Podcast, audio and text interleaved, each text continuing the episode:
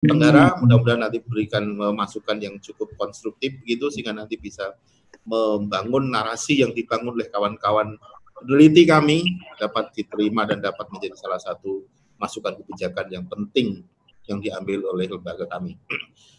Untuk memandu acara, yang pertama pembukaan nanti mohon izin Pak Kabadan untuk bisa menyampaikan jangan banyak-banyak Pak lima menit saja.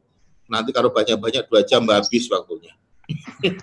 yang kedua eh, eh, pemaparan oleh Pak Joko, Mas Padri dan Mbak Martela. Waktunya jangan panjang-panjang. Pak Joko itu biasanya kalau ngomong lama banget, jangan ngomong panjang-panjang ya. Cukup 10 menit, 15 menit paling banyak. Kemudian tanggapan narasumber yang pertama dari Bu Lina, Bu Dirjen PKB, dan Pak Andriko, Kapus Ketahanan Pangan, Kapus eh, Ketersediaan dan Kerawanan Pangan dari Badan Ketahanan Pangan Kementerian Pertanian, kurang lebih 15 sampai 20 menit. Yang kedua dari praktek lapang baik yang dilakukan oleh kawan-kawan di Merauke dan yang disponsori oleh Pak Hendrik di Waingapu kurang lebih nanti 10 sampai 15 menit dan selanjutnya kami buka dengan tanya jawab yang saya sangat berharap tanya jawab ini dapat membangun konstruksi yang sangat baik di dalam membawakan materi ini untuk masukan-masukan ke depan. Saya tidak akan memperpanjang apa eh, pembukaan ini selanjutnya kepada Pak Eko, Kepala Badan untuk bisa membuka ini secara harus kepada Pak Eko kami persilahkan. Monggo Pak. Ya, makasih uh, Pak Marlan. Bismillahirrahmanirrahim. Assalamualaikum warahmatullahi wabarakatuh.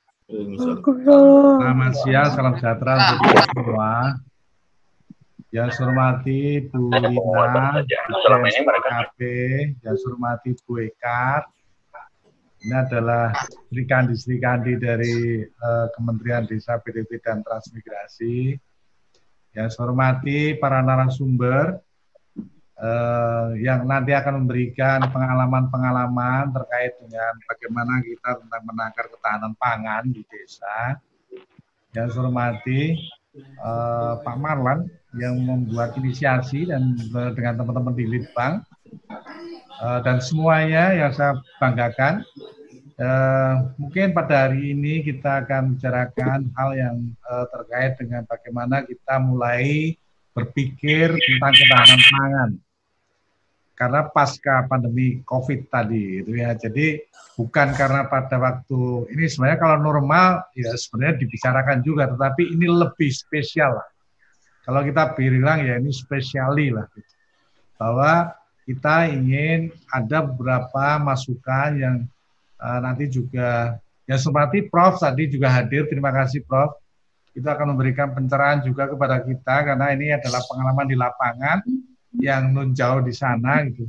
Mudah-mudahan ini memberikan pencerahan bagi kita lalu kita mulai berpikir bagaimana kita tahun depan kita sudah memulai. Tapi semua itu karena uh, desa itu ada 74.953 ini menjadi garda depan kalau kita bicara soal ketahanan pangan. Kan hampir hampir 90-an persen itu 97 persen lah gitu. Yaitu di eh, kita di sektor pertanian ada di desa. Walaupun kita tahu bahwa eh, ada beberapa daerah terutama yang rawan pangan di 71 kabupaten ini juga mengalami rawan pangan.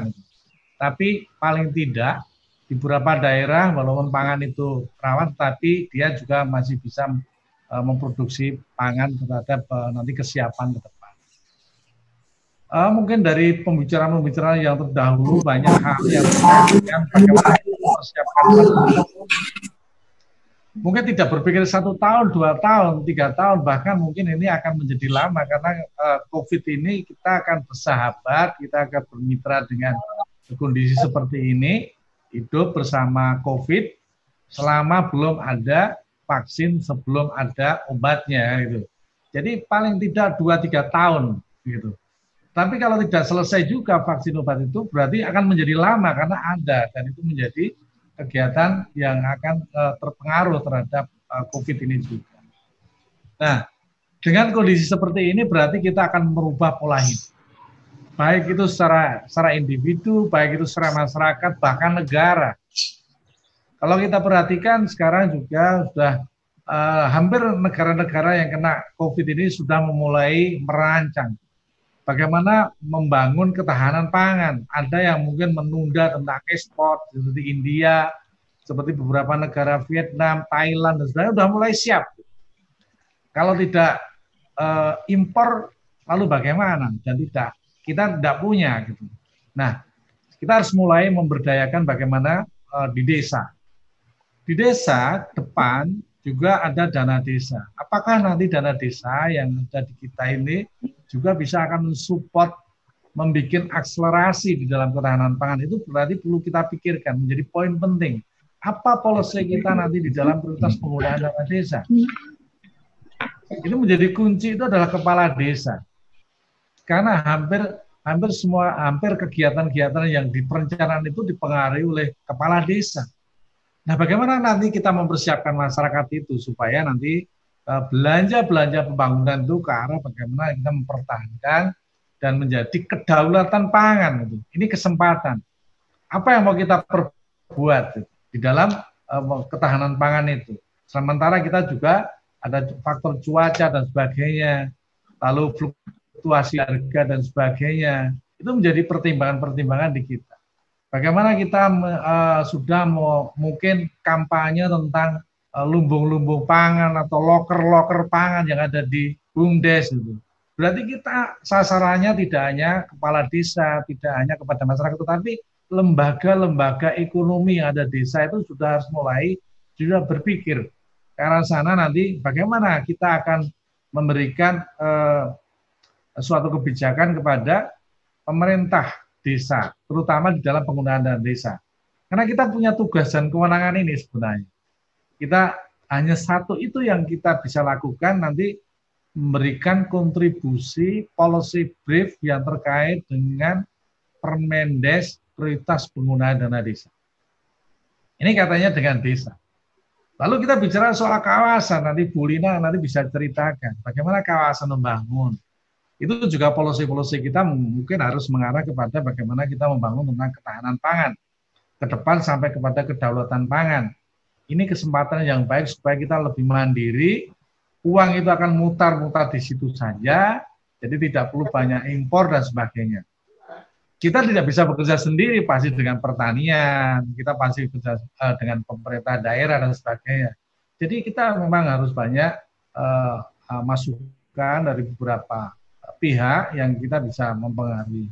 Nah, kami harapkan sebenarnya hal seperti ini itu uh, karena perencana pembangunan itu ada di Bappenas. Jadi hal-hal yang sifatnya nanti kebijakan kami ya nanti kita juga akan mengundang Bappenas lah gitu ya. Supaya nanti apa yang kita bicarakan itu menjadi policy-policy pada tahun depan. Mungkin yang saat sekarang bicarakan mungkin tahun berikutnya karena untuk tahun depan sudah selesai. Berarti tahun 2022.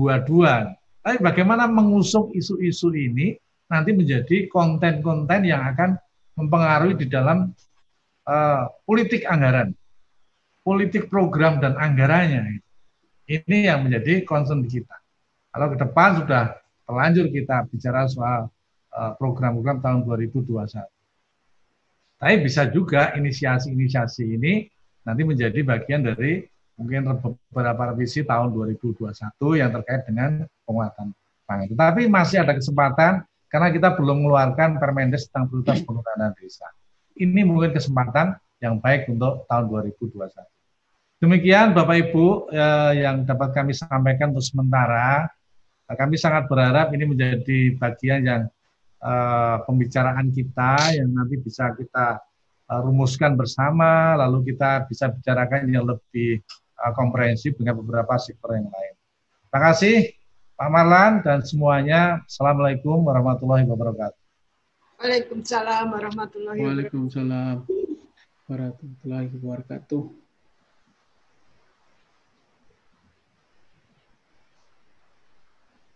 Pak Marlan masih di mute. Mute. Pak Marlan masih di mute, mohon maaf.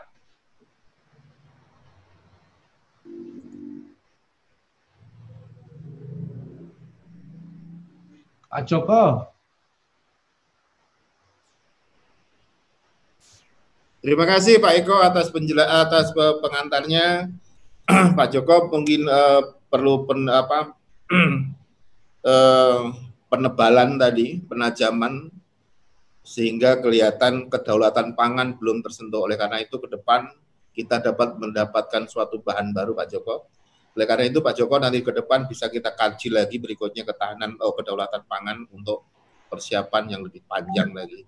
Selanjutnya untuk memberikan materi akan disampaikan oleh uh, penulis kami, peneliti kami. Yang pertama Pak Joko Buku, beliau adalah peneliti utama. Kemudian Mas Muji, beliau peneliti muda ya Pak, muda. Kemudian Alhamdulillah ada peneliti pertama kami yang sebetulnya belum peneliti Pak. Ini Bapak Ibu sekalian karena masih status baru selesai mengikuti diklat prajabatan.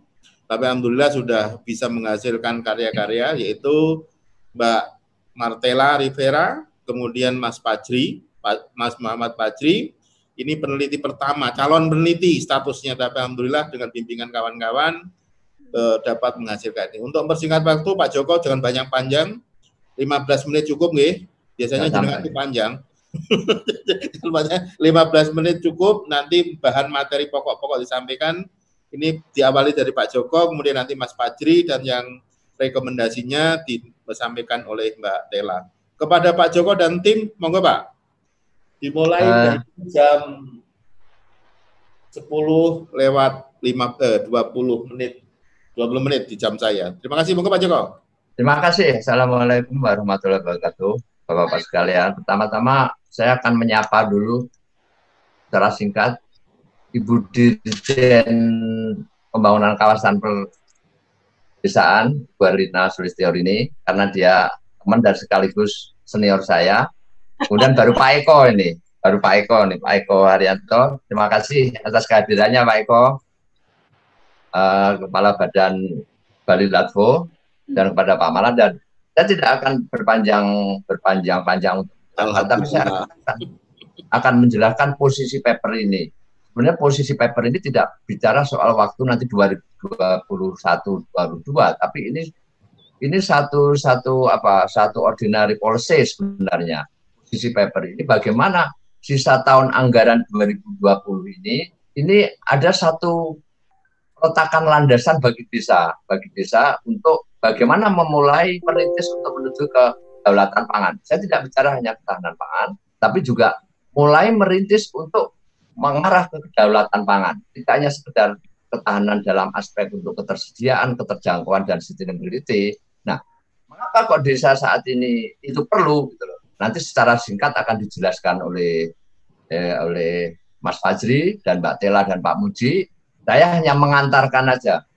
Enaknya kalau peneliti sudah 60 tahun hanya mengantar saja dan kemarin sebenarnya saya dipaksa untuk untuk ini untuk sama Tela sama Fazli untuk menyampaikan. Tapi secara singkat Tela, coba hmm. sampaikan secara singkat mengapa latar belakang latar belakang kajian ini.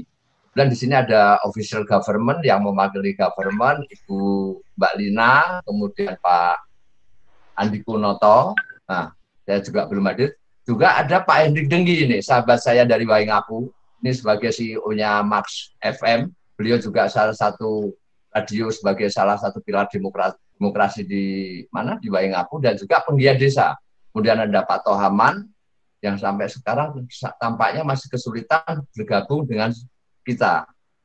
Saya pikir itu. Ah, selamat siang Pak Tohaman. Apa kabar? Ini calon wakil Bupati Merauke M2 ini Musa 2 ini.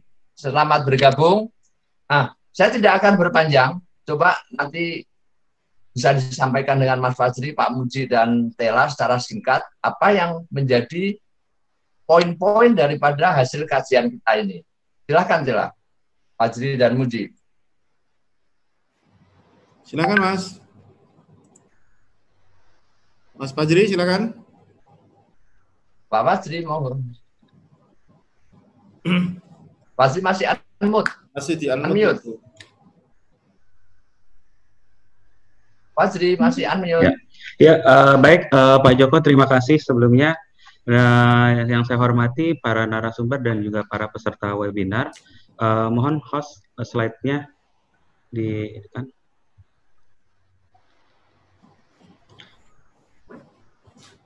Ya.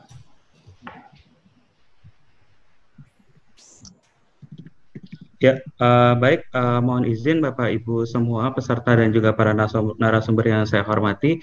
Saya akan mencoba memaparkan hasil kajian kami yang sebenarnya ini kajian baru dilakukan sekitar satu bulan kurang mengenai menakar ketahanan pangan di desa.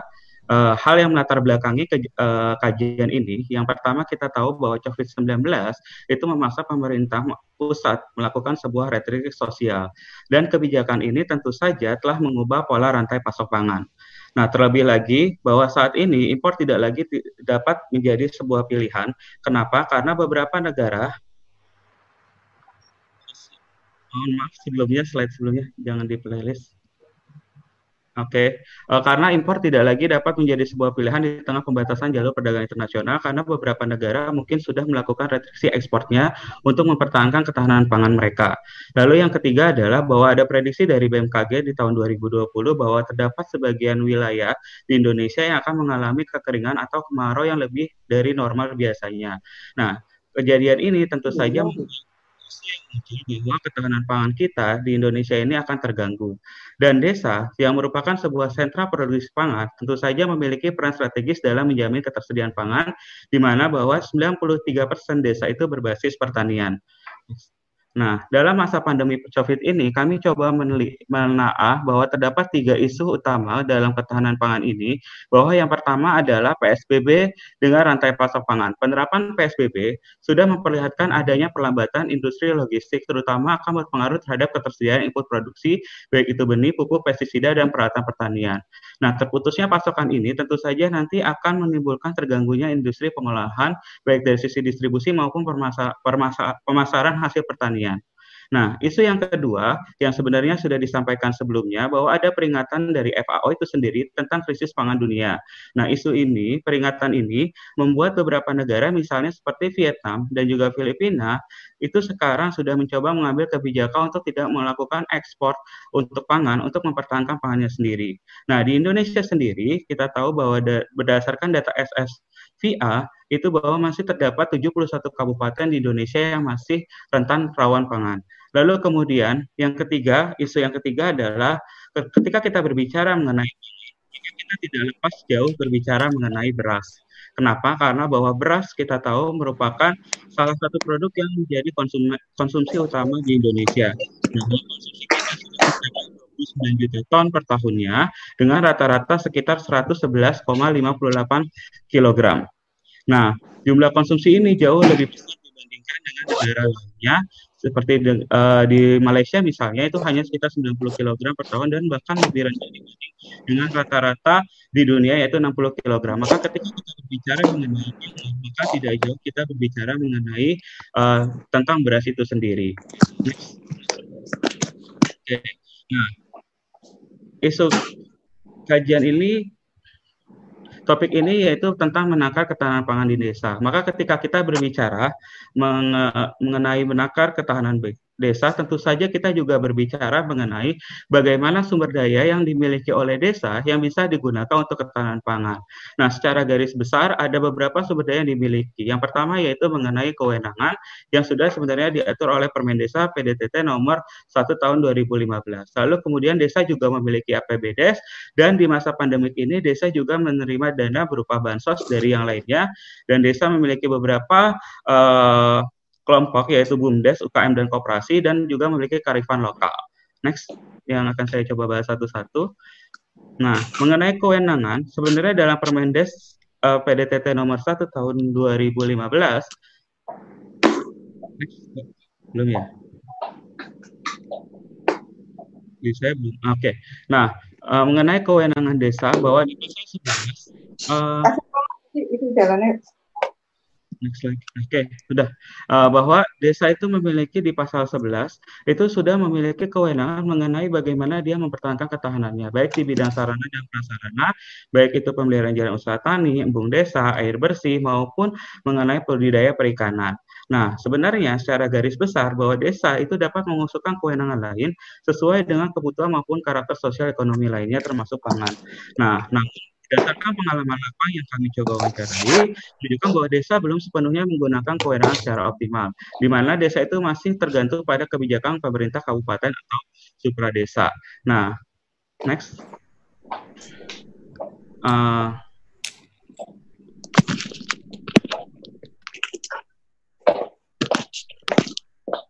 belum connect ya.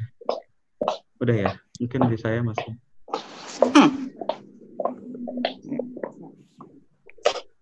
Oke, bentar. Oke, nah terkait mengenai dana desa, uh, bahwa kita tahu bahwa dana desa sudah dikucurkan sejak tahun 2015, di mana ter telah terjadi peningkatan setiap tahunnya. Nah, bahkan diketahui bahwa dana desa sudah uh, berhasil menciptakan beberapa infrastruktur-infrastruktur yang membangun perdesaannya. Namun bagaimana dengan pertanian? Next, Mbak.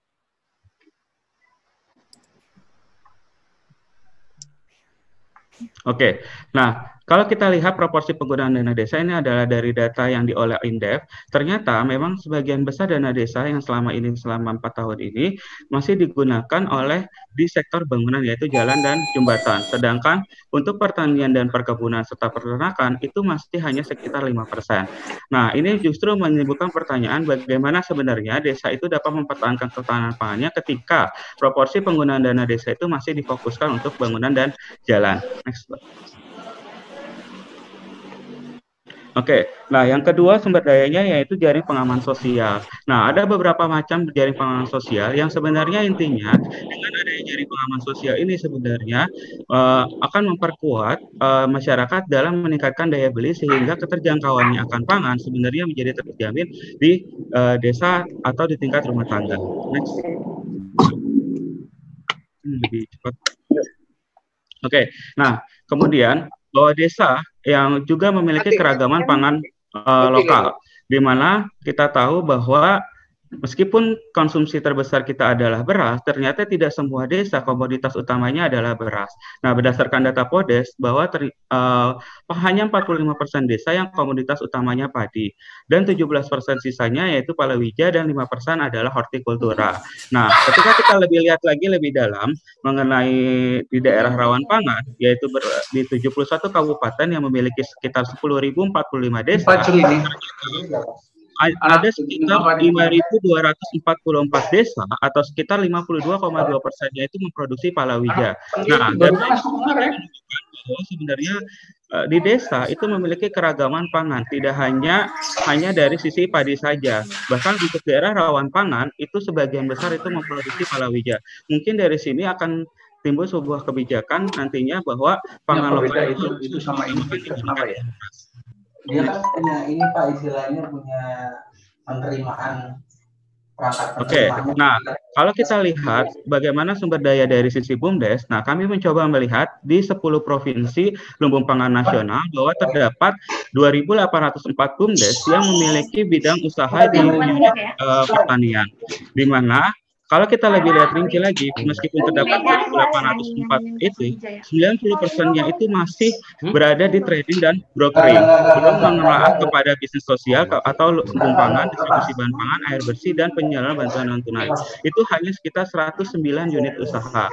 Nah, data tersebut membuktikan bahwa sebenarnya beberapa desa itu belum sepenuhnya memahami bahwa BUMDes itu sebagai lembaga ekonomi desa yang merupakan salah satu ya, daya untuk perkembangan perekonomian desa sekaligus berperan strategis dalam menjaga ketahanan pangan desa. Nah, dari lima oh, sumber iya, daya iya, sumber daya yang dimiliki desa itu, tentu saja ya. kita akan bisa melihat strategi dan juga rekomendasi. Nah, strategi dan rekomendasi akan disampaikan oleh saudari Tela. Silakan saudari Tela.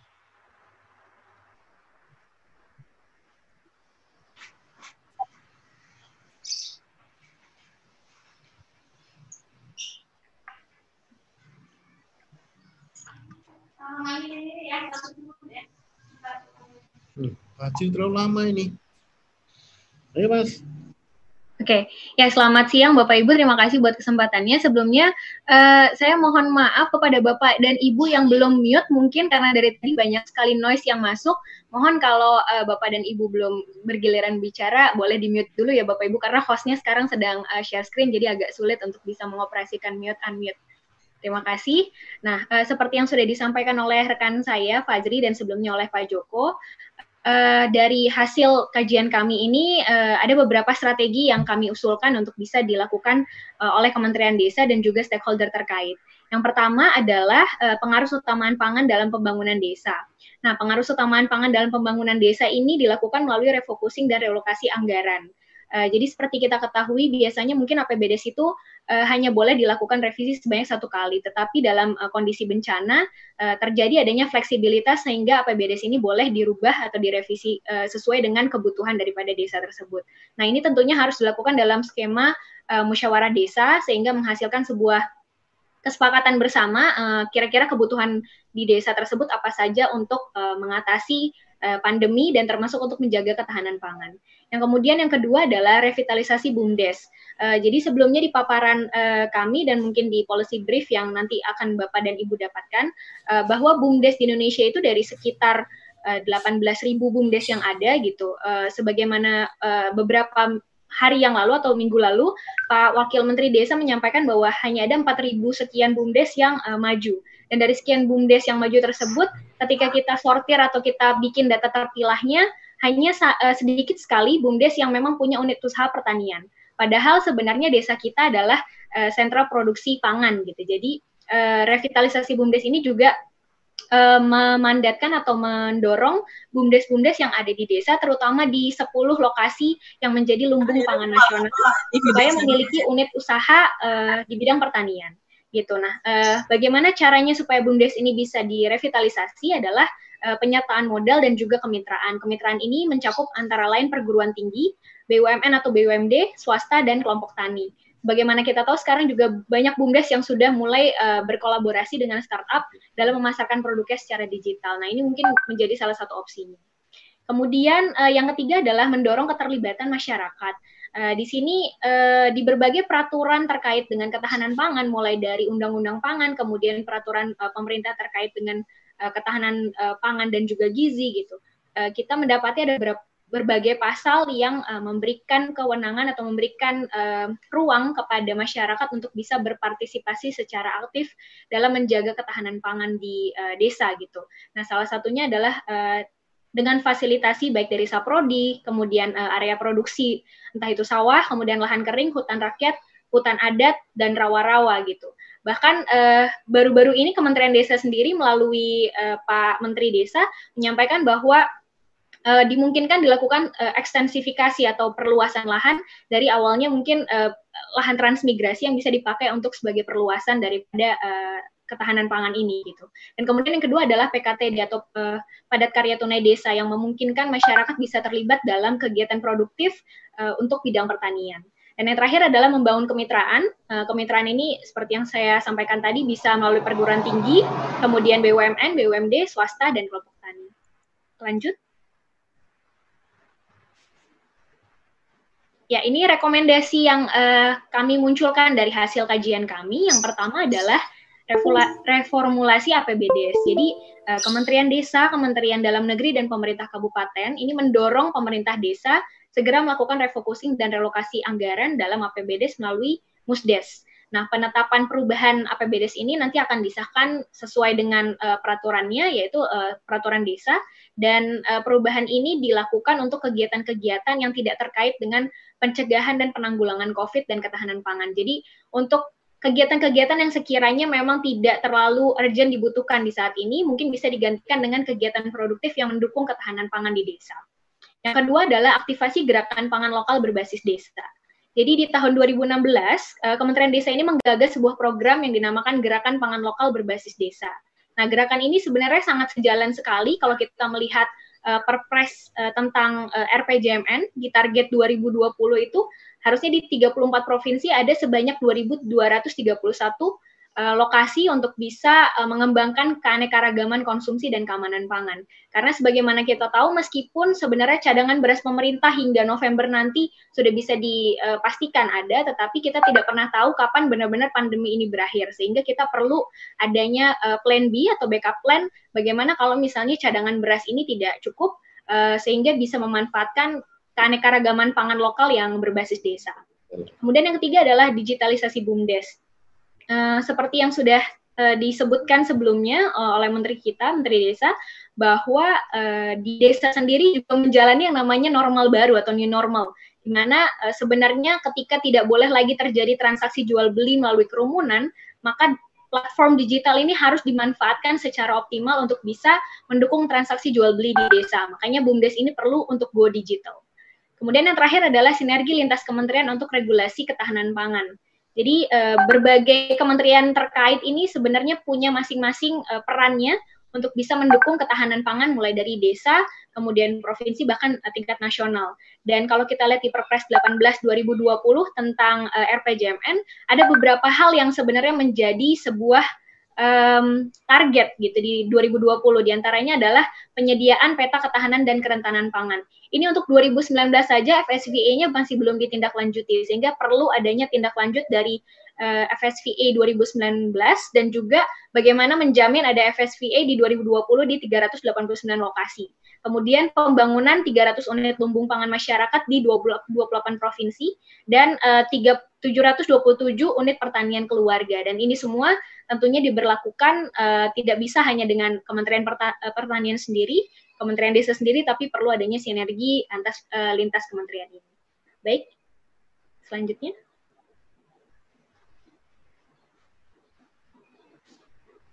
Ya, selanjutnya. Ini adalah beberapa um, latar belakang. Ini adalah beberapa contoh praktik baik. Yang pertama ada di Kampung Salor. Mungkin nanti bisa dijelaskan dalam diskusi selanjutnya. Nah, ini di Kampung Salor sendiri di dalam APBDes-nya ini sudah dilakukan uh, berbagai uh, penyesuaian gitu, menyesuaikan bagaimana ketahanan pangan di desa ini bisa dijamin. Selanjutnya.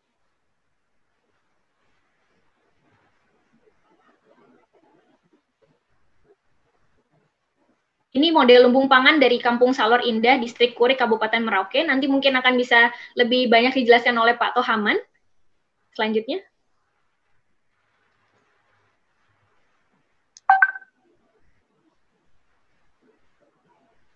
Selanjutnya. Selanjutnya. Udah nggak ada, Pak. Oh, oke. Okay. Ya, nah. baik itu saja dari kami, Bapak dan Ibu. Terima kasih. Terima kasih Pak Joko, Mas Fajri, Mbak Tela. Sebelumnya saya menyapa dulu Pak Andriko, Kepala Pusat Kerawanan dan Ketersediaan dan Kerawanan dari BP dari Badan Ketahanan Pangan Kementerian Pertanian. Terima kasih Pak telah bergabung dan menjadi narasumber. Pak Tuhaman, terima kasih Pak Tuhaman. Ada lagi satu yang dulu peneliti ketahanan pangan pangan pangan kampung pangan daerah, Prof Inta Damani. Selamat bergabung Prof Inta. Mudah-mudahan hmm. nanti bisa berikan tambahan yang konstruktif hmm. karena beliau dulu kalau nggak salah saya ingatnya peneliti sagu. Mudah-mudahan nanti dapat berguna kawan-kawan dari Papua dan kawan-kawan dari uh, Ambon. Selanjutnya saya tidak akan menjelaskan karena sudah sangat jelas sekali yang sampaikan bahwa intinya ada LPDS yang bisa direkonstruksi untuk perubahannya, kemudian ketahanan pangan lokal untuk kebutuhan pangan lokal, eh, penganikaragaman tentunya dan uh, bumdes yang digital sehingga nanti dapat menjelaskan dengan baik apa yang akan dilakukan. Untuk memperjelas bahan pembahasan ini dengan hormat, yang pertama kami minta masukan secara hormat kepada Bu Dirjen, Bu Lina, kemudian nanti Pak Andriko dari Pertanian, dan nanti dilanjutkan oleh uh, Pak Andriko dan Pak Bu Lina waktu kurang lebih 15 sampai 20 menit berdua. Monggo nanti diatur. Ya, Kemudian nanti nanti Pak Tohaman dan Pak Hendrik dari dari Sumba Timur waktunya 10 sampai 15 menit. Selanjutnya kepada Bu Lina dan Pak Andriko, monggo Bu Lina duluan. Monggo Bu. Terima kasih Pak Malan, Pak Oke. Moderator, Pak Kepala Badan, Bu Sahli, Bapak dan Ibu semua peserta webinar kali ini. Terima kasih, saya sudah diminta untuk memberikan pendapat atau masukan terkait uh, penelitian yang atau kajian position paper tadi istilahnya Pak Ketua peneliti ya terkait dengan uh, usaha untuk uh, penanganan ketahanan pangan. Bapak dan Ibu semua, uh, sebelum saya memberi masukan, uh, pertama saya ingin mengucapkan selamat kepada Mbak Martella dan Mas Fajri Katanya ini baru selesai diklat tapi kajiannya sudah cukup signifikan, sudah cukup strategis dan saya tahu karena itu uh, yang membimbing adalah Pak Joko. Jadi Pak Joko dulu semasa saya kayak Mas Fadri sama Mbak Tela itu saya dibimbing Pak Joko juga. Mudah-mudahan Mas Fadri dan Mbak Tela nanti bisa melebihi saya. Jadi Amin. Bapak Jadi Bapak dan Ibu uh, terkait dengan tadi yang sudah disampaikan ada beberapa hal yang ingin saya uh, memberi warna ya Pak, pengkayaan, pengkayaan istilah saya yang pertama uh, terkait dengan bahwa ini adalah uh, kajian position paper untuk tahun 2020. Tadi disebutkan terkait dengan uh, Mas Fajri sampaikan ada di uh, ketahanan pangan itu ada di globalisasi, adanya permasalahan terkait impor, kemudian adanya uh, restriksi sosial dan sebagainya. Nah, ini memang menjadi satu uh, satu peluang buat kita. Saya ingin menyampaikan sedikit aja. Silakan paparannya bisa di uh, di share juga.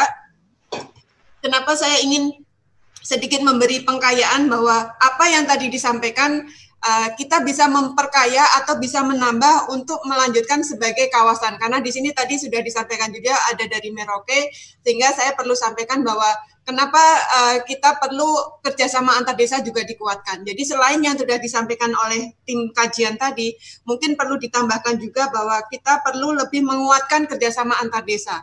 Jadi sekarang itu bahkan di beberapa daerah itu sudah mulai ada uh, semacam pembagian uh, pola atau pembagian uh, produk unggulan per kecamatan. Jadi ada kabupaten yang sudah mulai uh, mulai membuat kebijakan misalnya kecamatan A dia uh, dia memproduksi padi kecamatan B uh, apa dan seterusnya. Nah ini ini menjadi salah satu juga uh, nanti catatan untuk uh, pengkayaan terkait dengan bagaimana kita tetap mempertahankan ketahanan pangan tersebut.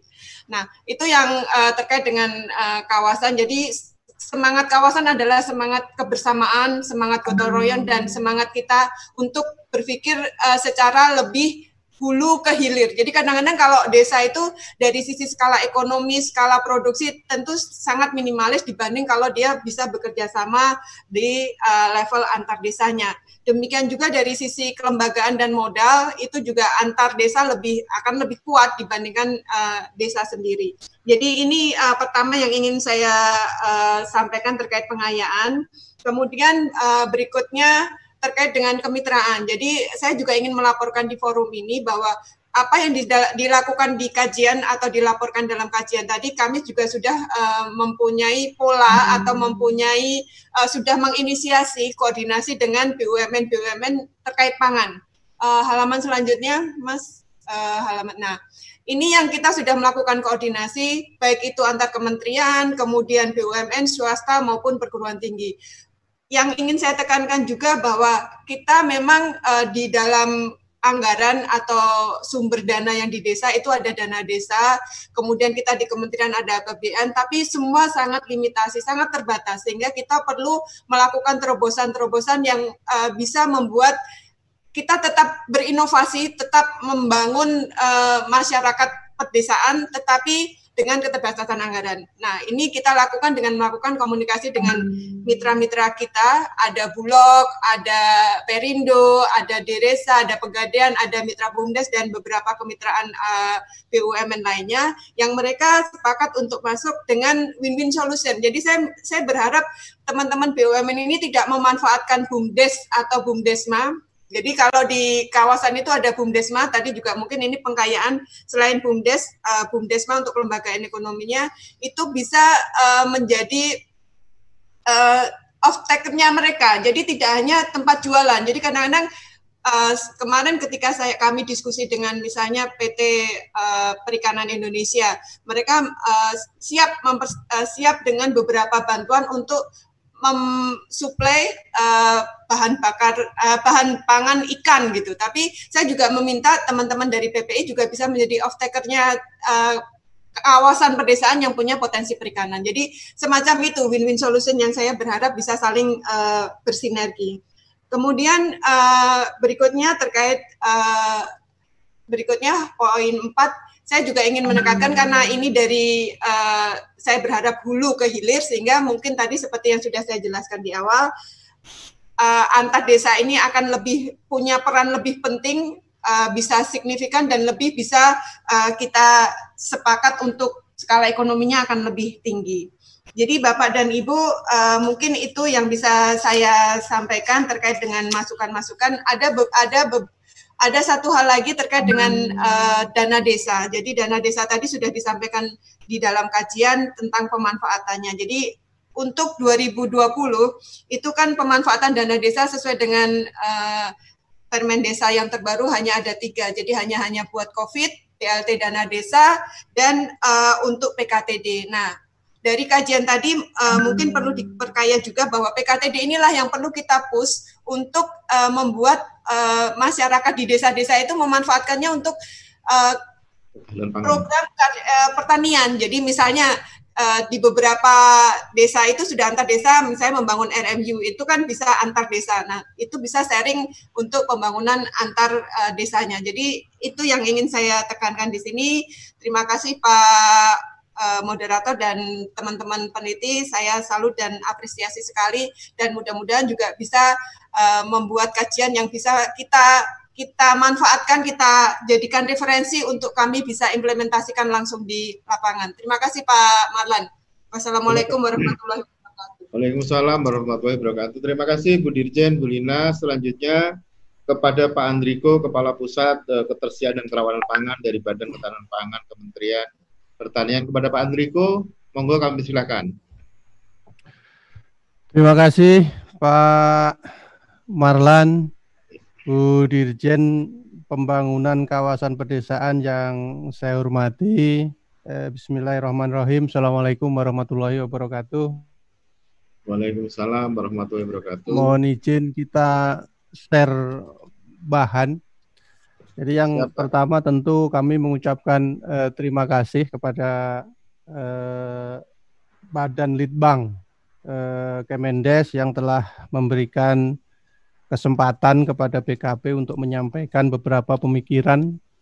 Ini judulnya sangat menarik, menakar ketahanan pangan.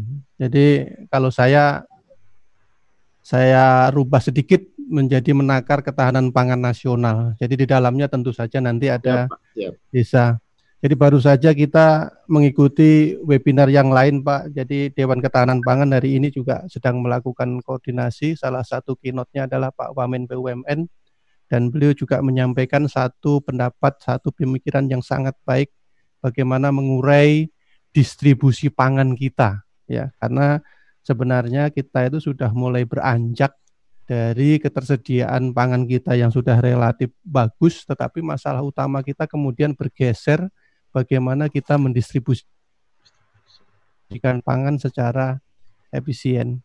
Jadi ada empat poin yang ingin saya sampaikan. Eh, mudah-mudahan saya bisa menyampaikan secara ringkas. Ada sistem pangan nasional, situasinya saat ini, tantangan ke depan, kemudian upaya menjamin ketersediaan pangan. Terus, terus, terus, terus, terus, ya, terus. Ya, jadi kami kira Pak Marlan, Bapak sekalian yang saya hormati, ini adalah pegangan kita bersama. Kita bersyukur bahwa politik negara sudah bisa membuat satu undang-undang terkait dengan sistem pangan nasional dan endingnya harus kita lihat yang biru itu bahwa setiap individu. Jadi setiap individu itu harus dapat hidup sehat, aktif, produktif, dan berkelanjutan. Jadi kata berkelanjutan itu merupakan beban yang harus kita terus perjuangkan karena membangun ketahanan pangan sesungguhnya adalah never ending, tidak akan pernah selesai dan ini merupakan kejar mengejar dengan jumlah penduduk dengan jumlah eh, peningkatan pembangunan yang lain. Jadi kalau sekarang ada 269 juta ya 269 juta penduduk Indonesia itu harus harus sehat, harus aktif, harus produktif. Itu amanah undang-undangnya. Nah, kemudian bagaimana kita mengukur kinerjanya? Ada empat pilar utama. Jadi ketersediaan tentu saja di sana, kemudian keterjangkauan tadi yang saya sampaikan masalah distribusi yang sekarang menjadi sangat penting untuk kita pecahkan. Kemudian yang ketiga adalah pemanfaatan Terus yang terakhir sekarang adalah peman, eh, keamanannya. Jadi masyarakat kita kelas menengah ke atas sudah mulai memiliki kepedulian yang sangat tinggi terkait dengan kualitas pangan kita. Jadi empat unsur itulah yang kemudian menjadi ukuran kinerja ketahanan pangan kita. Di dalam Undang-Undang 18 juga diarahkan bahwa spirit dari ketahanan pangan kita harus mengacu kepada kemandirian pangan kita. Jadi segala sumber daya yang kita miliki, apakah itu sumber daya lahannya, sumber daya manusianya maupun modalnya, itu digunakan sebaik-baiknya, semaksimal mungkin untuk mendorong, mendukung ketahanan pangan nasional kita. Impor adalah pilihan terakhir manakala kita tidak mampu memproduksi sendiri disebabkan oleh beberapa hal. Ya. Dan kemandirian pangan yang sudah kita dorong tadi itu, kemudian kita harapkan untuk dilindungi jadi dilindungi petaninya, dilindungi lahannya, dilindungi airnya, saprodinya dan seterusnya sehingga itu menjadi satu konsep kedaulatan pangan. COVID-19 menjadi momentum ya bahwa undang-undang ini menguji ya, menguji eh, kesaktiannya lah kalau saya bilang begitu. Jadi ternyata dengan satu konsep semacam ini ini adalah undang-undang yang sudah berbasis eh, kemandirian, berbasis kedaulatan sehingga COVID-19 pada saat negara lain tidak berpikir untuk mengekspor pangannya, ya kita secara mandiri sudah bisa memenuhinya dari dalam negeri. Ya, jadi ini adalah satu uh, spirit yang terus kita pegang di dalam membangun sistem pangan nasional. Terus, uh, ya saya kira ini kita coba kembali uh, menyampaikan ya. Jadi memang ada potensial loser, ada potensial winner ya. Kalau kita berpikir di pertanian, pertanian tidak boleh ditarik ke potensial loser karena kalau pertanian itu menjadi kalah di tengah dampak COVID-19 yang terjadi adalah Indonesia akan semakin dalam, ya akan semakin dalam terpuruknya. Kalau pandemi kita bisa ada SOP-nya, tetapi kalau lapar SOP-nya ya harus makan. Jadi kalau tidak ada makan, kita tidak bisa uh, melakukan aktivitas yang lebih baik. Jadi UMKM pertanian, UMKM pangan juga kita dorong harus menjadi pemenang. Jadi eh, makna dari pertemuan kita menjadi penting. Jadi kita harus memastikan kita semua pertanian dan UMKM kita menjadi pemenang di tengah dampak COVID-19 yang kita. Lalu apa yang harus kita lakukan? Ya, terus. Jadi Bapak Ibu sekalian, ada dua langkah penting yang kami lakukan di Badan Ketahanan Pangan untuk memastikan tadi undang-undang kita eh, berjalan baik, ya, pangan kita berjalan baik, tidak satupun penduduk Indonesia lapar.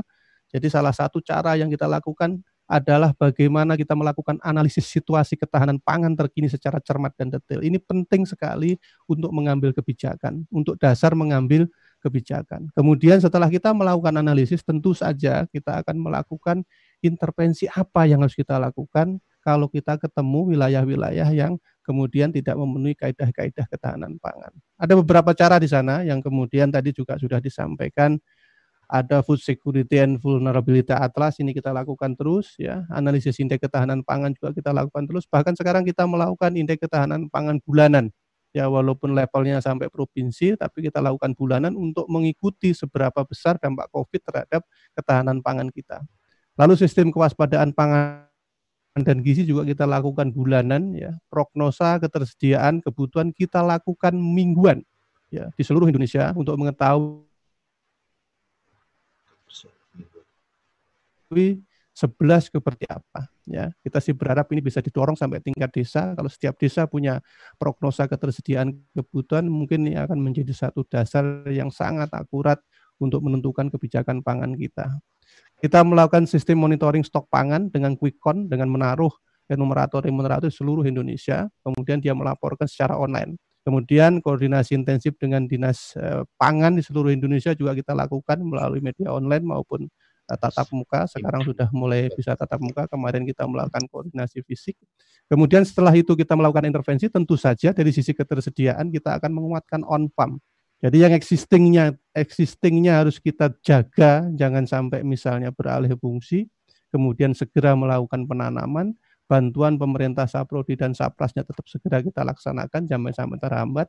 Realisasi keuangan menjadi ukuran penting, realisasi fisik menjadi ukuran yang lebih penting. Setelah itu stabilisasi pasokan dan harga. Wilayah Indonesia sangat luas memungkinkan bahwa tidak semua titik di Indonesia adalah sentra ya. Itulah gunanya bagaimana kita mendistribusi secara efisien pangan dari lokasi yang surplus ke lokasi yang minus secara efisien ya. Pangan murah untuk masyarakat ini adalah hal yang harus kita lakukan dan ini kemarin juga sedang saya kira semua kementerian melakukannya bagaimana agar kita bisa mensupport pangan kepada masyarakat secara langsung di tengah pandemi COVID-19. Terus Uh, ini FSPA, Pak Marlan, saya kira kawan-kawan di Kemendes juga sudah sangat familiar dengan peta ini. Kami berjuang terus agar peta FSPA ini bisa kita detilkan sampai tingkat desa untuk seluruh desa di Indonesia. Kami sudah berkomunikasi dengan Bapenas dan Bapenas juga support untuk mengembangkan ini sebagai salah satu alat ukur untuk mengukur ketahanan pangan di Indonesia. Tapi levelnya kita dorong sedetil mungkin sampai tingkat desa. Di dalamnya ada indikator ketersediaan, indikator keterjangkauan, indikator pemanfaatan dan kemudian kita bisa melihat indikator mana yang merah dan itu kita intervensi agar menjadi hijau sehingga secara keseluruhan ketahanan pangan kita menjadi hijau. Mudah-mudahan ini bisa terus kita lanjutkan kerjasama dengan Kemendes sebagai salah satu alat ukur kita untuk mengukur ketahanan pangan sampai ke level desa. Ya, terus ini IKP kita, kami tampilkan sekilas IKP kita dari bulan eh, Januari sampai Mei. Jadi Januari, Februari mengalami penurunan sedikit, Maret mengalami penurunan sedikit, April turun dan Mei sudah mulai naik. Mudah-mudahan kita sudah mulai bangkit ya dari kondisi yang kemarin yang pandemi COVID-19 sebenarnya juga tidak terlalu mengganggu karena ukuran kita dari sisi ketahanan pangan tidak terlalu bermasalah ya, tapi kita tetap waspada jangan sampai ini menjadi masalah karena FAO sudah memberikan peringatan bahwa akan terjadi krisis pangan pasca pandemi. Nah, mudah-mudahan di Indonesia tidak karena beberapa indikator yang kita ukur mengatakan bahwa kita cukup optimis untuk menyediakan pangan kita secara mandiri kecuali beberapa komoditas. Terus SKPG kita juga mengatakan demikian. Jadi Januari dan Februari semuanya hijau, 34 provinsi. Kemudian di bulan Maret ada tiga provinsi di sana yang kuning. Kemudian April meningkat menjadi enam. Kemudian Mei sudah turun menjadi empat lagi.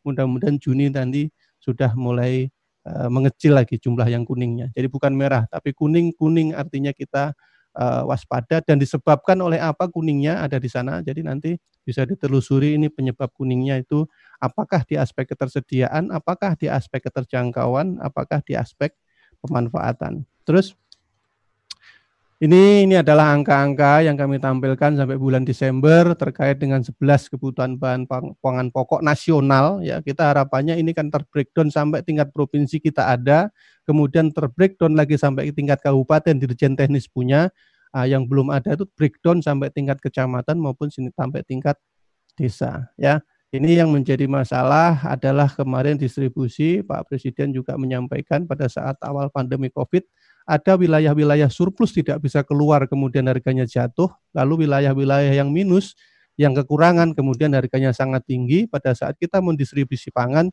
terkendala dengan masalah transportasi. Tapi alhamdulillah semua itu sudah dapat kita selesaikan sehingga transportasi pangan per hari ini eh, sudah mulai bukan sudah mulai saya saya menganggapnya sudah mulai lancar ya karena ada beberapa memang yang masih agak belum itu adalah eh, transportasi laut Pelni ke wilayah timur ya. Nanti akan saya sampaikan di bagian eh, belakang yang kereta api sudah sangat baik kemudian eh, udara mudah-mudahan juga sudah mulai membaik ya. Terus ini Pak Bapak Ibu sekalian jadi kita coba membandingkan dengan 2008. Pada saat 2008 terjadi krisis ekonomi, apa yang terjadi dengan 11 kebutuhan bahan pangan pokok kita? Ternyata ada hampir terjadi penurunan konsumsi di 11, 12, 13 bahkan yang di BPS ini ya, baik wadipadian, umbi-umbian dan sebagainya turun. Kemudian bagaimana dengan 2020 eh, terkait dengan pandemi. Kalau 2009, 2008, 2009 temuannya perubahan menurun pada semua kelompok pangan, kalori terbesar bahan pokok padi-padi umbi-umbian, kemudian kemiskinan, harga kalori meningkat, garis kemiskinan meningkat. Kita NTP kita ada terprediksi turun beberapa eh, bulan-bulan Mei kemarin ya. Nah, nanti apakah kemudian eh, ini menjadi penyebab ya salah satu yang menyebabkan NTP kita turun yaitu naiknya eh, harga kemudian belum stabilnya sistem uh, transportasi kita. Terus, uh, terus, Ya, ini yang kemarin kita buat Bapak Ibu sekalian di eh, mengambil eh, contoh 2008 kita buat di 2020 apa sih yang turun gitu. Ternyata cabai kita juga turun sedikit konsumsinya, bawang merah kita juga turun sedikitnya, tapi telur kita justru terjadi peningkatan konsumsi, jadi ternyata masyarakat lebih cenderung menyetok telur di rumahnya, kemudian daging ayam kita turun, daging sapi kita turun, kedelai turun, jagung turun. Ya, ini hotel dan restoran, hotelnya turun hampir 90%, restorannya turun hampir 70%. Jadi ini menyebabkan konsumsi di tingkat rumah tangga relatif stabil tapi secara keseluruhan uh, turun turun sedikit ya. Jadi beras juga dari 111 menjadi 108. Nah, ini kita tidak tahu sampai kapan ini terjadi ya, tapi harapan kita akan segera uh, normal kembali. Tapi dari sisi produksi kita juga membuat asumsi kemarin dari produksi rata-rata uh, tidak terjadi penurunan produksi secara nasional, tetapi yang terjadi adalah uh, hambatan distribusi ya. Terus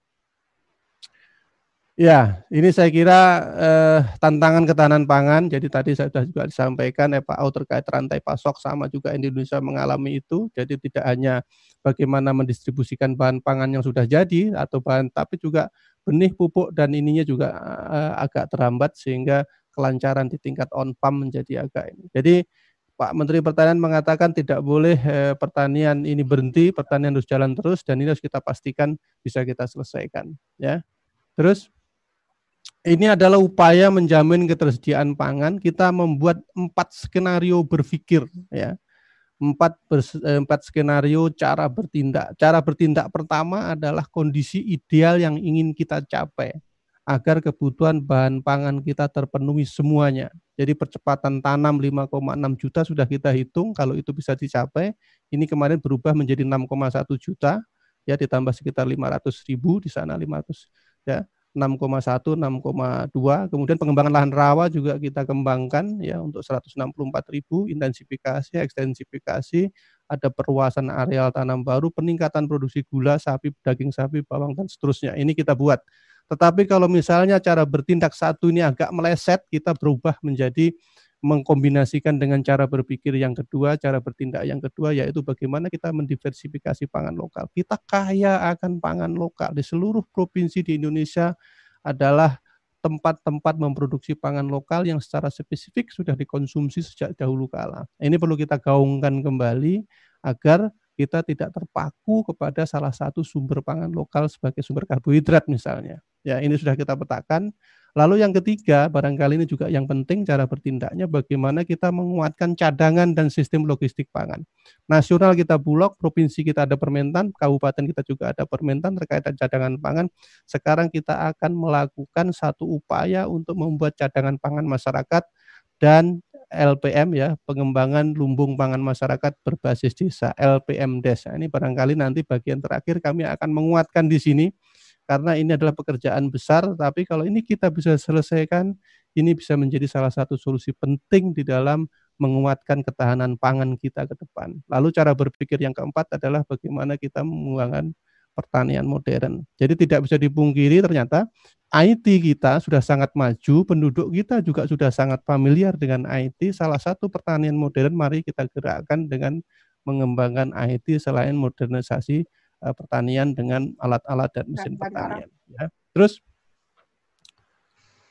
Ah, ini lahan rawa titik-titiknya Bapak Ibu sekalian. Jadi ini ada di beberapa titik sudah kita lakukan survei dan ini menjadi ke prioritas Kementerian Pertanian untuk menambah luas lahan e, baru dalam rangka peningkatan produksi, e, meningkatkan dari aspek ketersediaan. Terus ah, ini tadi yang saya sampaikan. Jadi distribusi. Jadi intervensi distribusi pangan daerah surplus ke daerah defisit kami melakukan setiap minggu. Dan ternyata yang bermasalah selama ini adalah bawang merah, cabai merah, cabai rawit, ya, kemudian bawang putih, eh, gula, ya. Nah, untuk yang beras eh, rata-rata tidak bermasalah, jagung tidak terlalu bermasalah, tapi komunitas-komunitas yang tadi saya sebutkan ini bermasalah salah. Jadi di daerah surplus karena ini barang tidak bisa disimpan lama, ada kecenderungan cepat rusak, harganya menjadi jatuh. Petani tidak bersemangat untuk menanam. Kemudian di beberapa titik karena barangnya tidak ada menjadi langka. Itulah peran pemerintah Mohon kita maaf, melakukan intervensi eh, Pak Andri distribusi. dipercepat ya. Eh, biaya distribusinya ditanggung oleh Kementerian Pertanian untuk di tingkat eh, provinsi antar pulau, kemudian di tingkat kabupaten dananya ada di Dinas eh, Pangan eh, Provinsi. Jadi itu adalah beberapa angka yang kita sampaikan dalam rangka mengurai eh, hambatan distribusi dari daerah surplus dari ke daerah minus. Sasarannya adalah bagaimana kita menstabilisasi stok dan harga di tingkat produsen maupun di tingkat konsumen. Terus ini adalah strategi pengembangan sistem logistik pangan nasional. Ada empat strategi di sana. Jadi bagaimana kita tetap meningkatkan produksi di wilayah defisit. Ya, selain kita mempertahankan existing, juga bagaimana kita menghidupkan eh, lokasi-lokasi sentra baru. Lalu sistem distribusinya ini tidak tidak mudah karena ini melibatkan banyak kementerian lembaga. Ya, kemudian kelembagaan distribusi pangan selain bulog barangkali bisa juga dipikirkan untuk menjadi BUMN, BUMD pangan maupun swasta yang berfungsi sebagai pusat-pusat distribusi di setiap provinsi. Lalu meningkatkan konsumsi pangan lokal seperti tadi yang saya sampaikan karena sebenarnya daerah-daerah tertentu sudah sangat eksis dengan pangan lokalnya dan bisa digarap agar ini menjadi satu sistem ketahanan pangan yang baik dalam rangka uh, me, me, apa, me, mengefisienkan sistem logistik pangan kita. Terus Nah, ini kita sudah ngitung juga Bapak Ibu sekalian di mana produksi uh, ubi kayu yang tinggi, yang rendah, terus terus saja di mana konsumsi yang tinggi misalnya terus. Jadi uh, terus Mbak. Jadi konsumsinya misalnya untuk jagung itu ada di NTT, untuk ubi kayu ada di Papua, sagu ada di Papua ya. Saya kira ini sudah sangat lama tinggal bagaimana kita menggerakkan agar ini menjadi uh, tren baru untuk mengkonsumsi pangan lokal. Tentu saja perlu inovasi-inovasi bagaimana agar masyarakat bisa berpikir secara mandiri, kita tidak memaksa karena apa? Karena pilihan beras itu eh, ternyata memiliki beberapa keunggulan yang tidak bisa dipenuhi oleh eh, produk-produk eh, pangan yang lain. Tetapi kalau dengan inovasi-inovasi barangkali kita bisa membuat ini menjadi lebih kompetitif. Terus kita sudah petakan ini untuk pisang, untuk kentang, terus kita sudah petakan ini titik-titiknya dan ini akan digarap oleh Kementerian Pertanian dan mudah-mudahan ini bisa dikolaborasikan dengan Kementerian Desa bahwa ini adalah pangan lokal yang akan kita kembangkan berdasarkan analisis produksi dan konsumsi yang tadi. Ya, ada ini sudah kita keluarkan ini khusus yang dikonsumsi oleh masyarakat yang industrinya sudah kita keluarkan. Terus ini yang tadi saya sampaikan cadangan pangan pemerintah ini penting sekali. Jadi sudah ada permentannya disampaikan itu yang warna eh, biru itu adalah idealnya, kuning itu yang ada. Jadi belum semua yang kuning itu adalah sesuai dengan yang ideal. Jadi ini untuk tujuannya kalau di tingkat provinsi adalah bagaimana kalau ada masalah-masalah kerawanan di tingkat provinsi ini bisa dikeluarkan, bisa dimu ke kabupaten. Tapi di kabupaten sendiri juga ada kita minta ya melalui permentan untuk dianggarkan APBD-nya untuk membuat cadangan pangan di tingkat kabupaten. Dan ini ada kabupaten yang sudah, ada kabupaten yang belum. Jumlahnya ada yang sudah ideal, ada yang belum. Ini terus kita dorong. Karena ini adalah hal penting yang kemudian akan menjadi pro, uh, solusi pada saat kita mengalami pandemi ini salah satunya bencana non alam dan sebagainya. Terus ini yang terakhir, ini yang kemudian kemudian saya ingin menekankan, ini menjadi program eh, kami di Kementerian Pertanian kita usulkan Bu Dirjen bagaimana setelah provinsi punya, setelah kabupaten punya di tingkat dasar kita mempunyai konsep LPM berbasis desa ya. Tidak banyak yang eh, kita eh, apa namanya eh, misalnya di situ ada banper 5 sampai 30 ton kita sudah susun ini juknisnya apa kriterianya eh, kemudian eh, bagaimana dikelola ya. Jadi kita juga punya kegiatan-kegiatan di lapangan itu misalnya bagaimana bisa diarahkan menjadi supplier untuk mengisi cadangan pangan di tingkat desa, kemudian pada saat tidak ada e, bermasalah dengan itu ya bisa diputar saja secara e, bisnis, kemudian uangnya diputar ya. Pada saat terjadi kerawanan pangan itu bisa digunakan sesuai dengan aturan yang dibuat. Ini saya kira solusi yang harus kita lakukan sekarang, harus kita lakukan sekarang mengambil momen pandemi Covid untuk dihidupkan lagi tentu saja bukan meniru lumbung pangan desa seperti zaman dahulu, tetapi juga memasukkan, mengkombinasikan sesuai dengan tuntutan yang sudah berlaku saat ini. Ya, terus ini sudah kita hitungkan rencana sebaran LPM DES-nya, jadi ada 38.700 memang kita arahkan ini adalah desa-desa non sentra pangan ya desa non sentra pangan itu maksudnya secara FSPA dia merah ya dari sisi ketersediaan secara akses bermasalah sehingga di situ itu perlu ada cadangan pangan karena memang kondisi existingnya dia rawan pangan. Ini bisa kita share barangkali nanti kita dorong ya mudah-mudahan ini rencananya Pak Menteri Desa dengan Pak Menteri Pertanian akan melakukan MOU untuk memfinalkan ini dan ya salah satu yang mau didorong ke sana adalah dana desa ya untuk mengisi lumbung pangan masyarakat, lumbung pangan desanya ya. Titiknya di mana, jumlahnya berapa, berdasarkan jumlah penduduk, berapa persen dari jumlah penduduk itu itu sudah kita hitungkan semua. Jadi saya kira itu Pak ya beberapa uh, pemikiran beberapa apa apa yang kami lakukan di Badan Ketahanan Pangan uh, mudah-mudahan bisa memberikan eh, warna di dalam webinar kita hari ini. Terima kasih. Assalamualaikum warahmatullahi wabarakatuh. Waalaikumsalam warahmatullahi wabarakatuh. Terima kasih Pak Andriko dan yang terakhir saya garis bawahi inilah salah satu praktek baik Pak yang sudah dilakukan kawan-kawan di Merauke. Selanjutnya saya perkenankan Pak Tohama dan nanti sekaligus Pak Hendri. Pak Hendri dari uh, Sumba Timur. Kepada Pak Tuhama, Bapak dapat uh, apa? Uh, dapat uh, contoh baik yang disampaikan oleh Pak Andri kebijakan sudah dibuat dan itu sudah dilakukan kayak semen padang. semen padang, moto semen padang kira-kira seperti itu. Kepada Pak Tuhama silakan, Pak Tuhaman. Pak Tuhaman. Pak Tuhaman? Monggo Pak, silakan Pak. Pak Tuhaman, Mas dibuka Mas. Eh, dibuka Pak, dibuka Mbak, Mbak Rizda. Oke, sudah Pak. Pak Halo? Halo, silakan. Baik Pak, Assalamualaikum warahmatullahi wabarakatuh. Waalaikumsalam warahmatullahi wabarakatuh. Ya Pak Marlan dan para uh, penelitian di bagian pembangunan transmigrasi yang saya hormati, semua para narasumber yang saya hormati, pemandu, litbang saya hormati. Uh, kaitan dengan judulnya sangat menarik, uh, pengaruh utamaan pangan, kapan kami yang ada di Provinsi Papua, Kabupaten Merauke, Desa atau Kampal Indah di Kurik ini uh, sudah uh, Eh,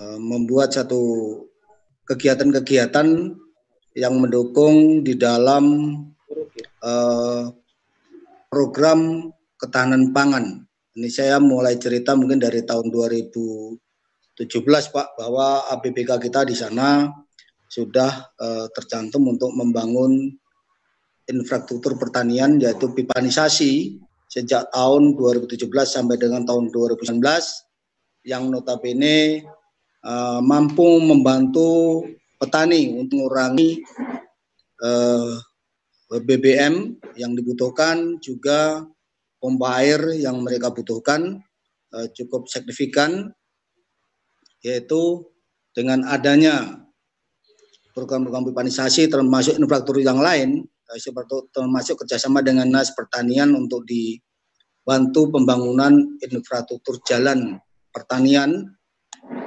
sehingga petani kita sudah semakin bagus dengan area 800 hektar yang kita miliki untuk lahan basah ya, kurang lebih eh, penghasilannya itu per hektar untuk gabah kering kurang lebih eh, 3, 3 ton setengah Pak atau 3.500 kg gabah kering.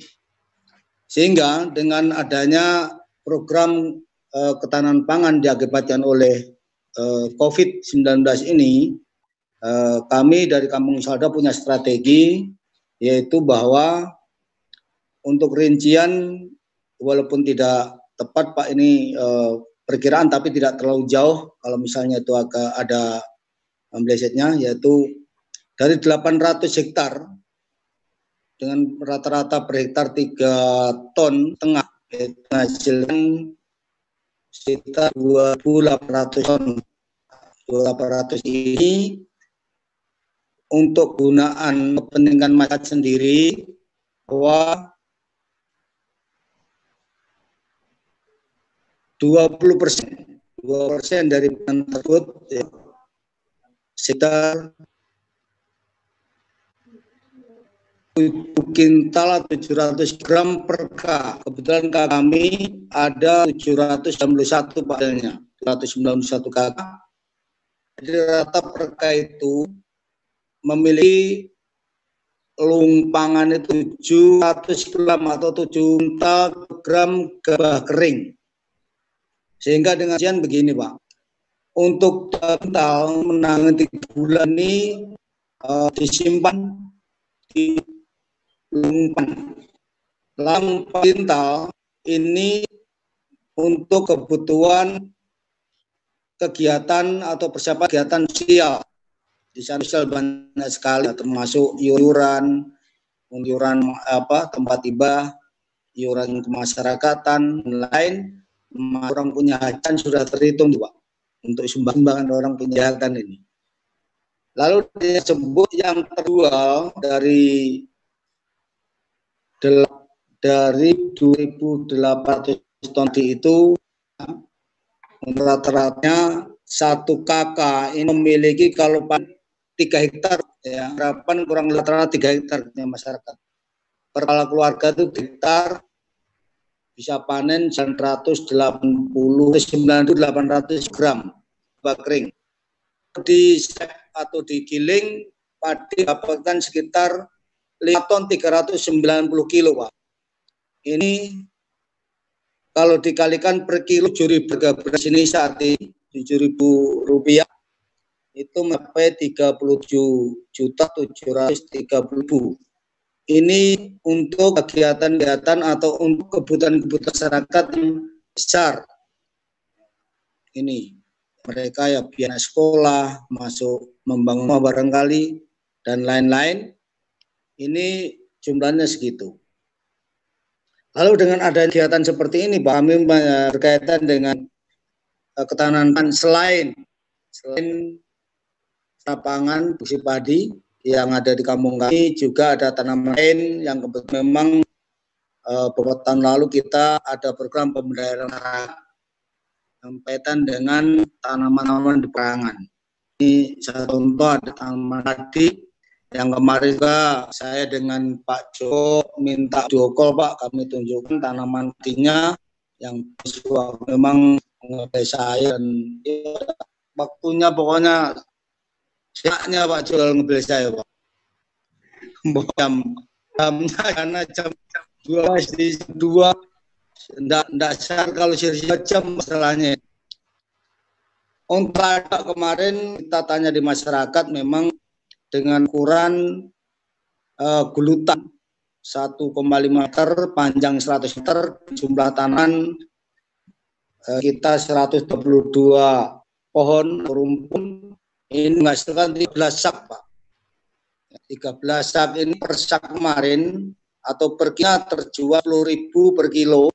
Dari satu sak kemarin ada 5 kilo itu laku 350 13 sudah 4 juta terima Pak. Ini dari sektor padi. Ya, ada pisang. Kemarin pisang di Parangan itu ada 100 tan, eh, 100 pohon, ada 20 tandan yang dipanen, satu tandan 50 ribu. Pisang saja itu. Ya. Raja. Lalu BKU juga begitu. BKU Pak Jokowi tidak percaya pada Polan saya juga tentang uh, itu bersama baru dua ribu. Oh, belum pergi sini persalau kayu itu. Dari situlah kami uh, di dalam anggaran dari yang di dalam APBK, APBK kami untuk kegiatan pasca COVID ini atau kegiatan COVID ini untuk penanggulangan COVID Pak sembilan rumpata. Ya, memang agak eh, jika saya menganggap Mas kami cukup menyatakan sampai sini protokol kesehatan dijalankan keluar ya masker lalu uh, di depan rumah ada cuci tangan ya masing-masing punya cuci tangan. Lalu uh, social tetap jalan walaupun ada kegiatan yang sifatnya tetap misalkan tentu membawa untuk kami ini tidak diperlukan malah uh, menyebar COVID-19 lalu pemberdayaan kami 66 juta ini cukup sedikit Pak Mang tetapi di dalam hal program pembiayaan setiap tahun kami selalu mengangkat selalu mengangkat daya Indonesia semakin tahun kita semakin perangi karena kita sudah uh, memiliki keterampilan dalam kegiatan contoh seperti tanaman apotek dan warung hidup juga tanaman-tanaman yang lain pelatihan-pelatihan yang lain termasuk buat makanan-makanan tambahan maupun keterampilan membuat uh, makanan-makanan seperti pengembangan ikan Ukol di Jawa, di sini gasor membuat tol, rol bakso dan bahan ikan gasor, lalu eh, keterampilan jahit, ini masih sudah dilakukan. Memang ini eh, mengatakan ini eh, itu yang kedua ada untuk eh, dan bisa kami anggaran eh, triwulan 600 per kakak bulan triwulan kedua intinya setelah bulan bulan atau hama untuk dipercepat ya Pak dipercepat Pak. Ya. ya Pak. Untuk bulan uh, April Mei ini itu 600 yang bulan Juli uh, September itu 300-an juga siapkan di APK Hal yang beri adalah untuk dana pendidikan seperti bisa kami selalu juga kita anggarkan.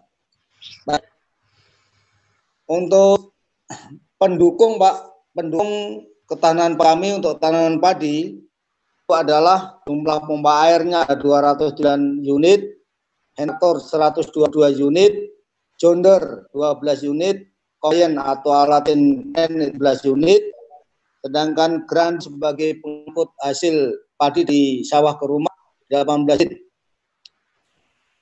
Ini yang sudah kami lakukan sehingga untuk kami itu eh, masalah eh, tanan pangan itu tidak ada persoalan dari 60 kamp ekstran 60 kamp ekstran ini rata penghasil padi dan sempat berkunjung juga di kampung lokal bahwa kampung lokal yang ada di Papua khususnya di Merauke adalah mereka makan keladi dan apa namanya gumbili.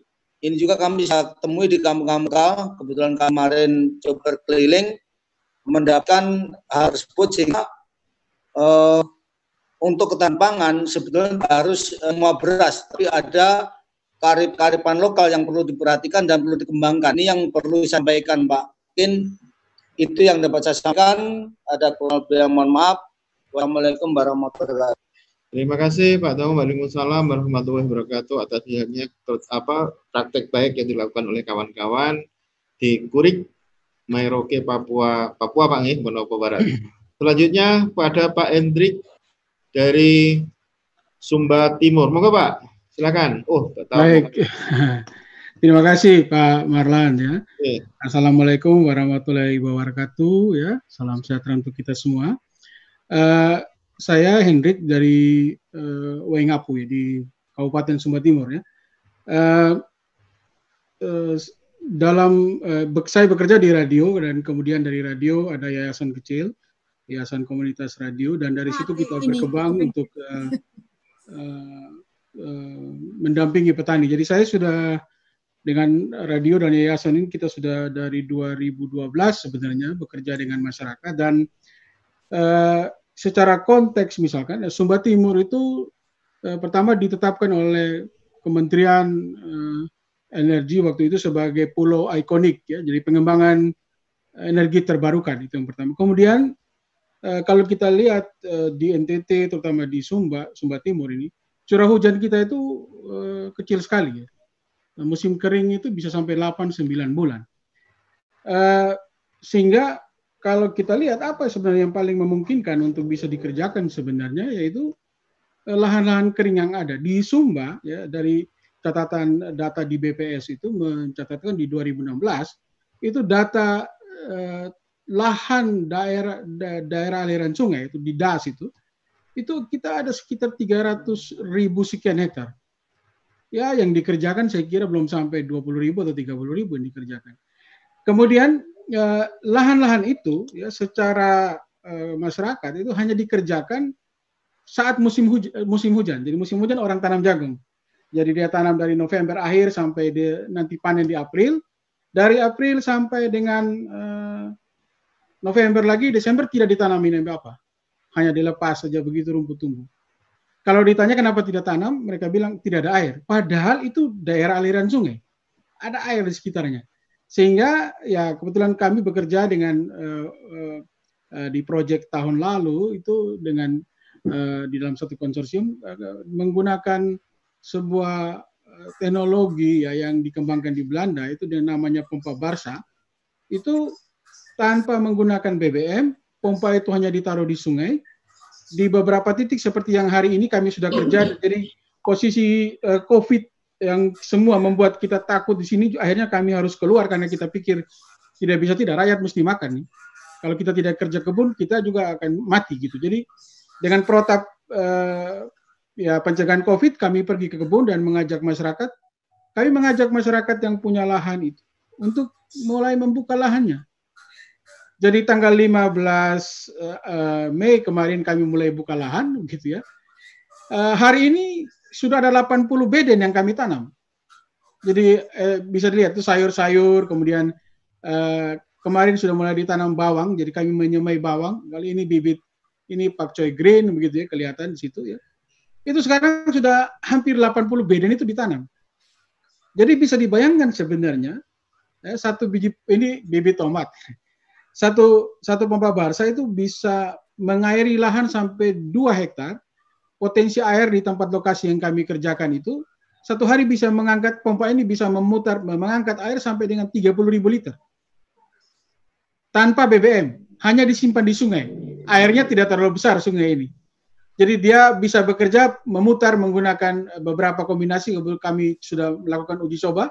Bisa pakai sprinkle tadi itu. Ini bisa dilihat hanya diangkat anak-anak muda angkat, nona-nona angkat untuk bawa pindah di sungai, sungainya tidak besar. Satu hari eh, bisa 30 ribu liter, kemudian bisa menggerakkan sprinkle, kemudian kita pakai rain hose sekarang, sehingga kawan-kawan petani yang kami ajak ini, mereka bukan petani, tapi ya yang punya lahan lah begitu, itu sangat dipermudah. Kalau tahun-tahun sebelumnya mungkin dia mengerjakan lahannya tapi hanya 5 atau 10 bedeng. Hari ini kita sudah buka sekitar 80 bedeng ada yang panjang hampir 30-40 meter, lebar 1 meter begitu. Dan uh, ya kita sudah uh, dua minggu lagi sudah akan panen dan sudah bisa dihitung begitu berapa pendapatan yang akan uh, diterima masyarakat dibanding kalau kita tidak menggunakan teknologi ya kebetulan yang kami pakai ya teknologi ini bisa juga pakai teknologi solar water pumping juga bisa tapi kebetulan yang kami pakai ini pompa basah Eh, itu lihat uh, sprinkle jalan, kemudian rain hose jalan. Jadi petani tidak perlu lagi pikul air, bawa air begitu dari bawah. Jadi tinggal dia kerja beda, membersihkan uh, lahan ini mulai tanam sayur dan saya kira dari pengalaman tahun-tahun sebelumnya kami kebetulan juga merekap data pendapatan petani. Ha, kalau dilihat uh, hari ini misalkan ya, tadi saya mendengar bawang merah di Sumba Timur tuh harga bisa sekitar 40 ribu hari ini.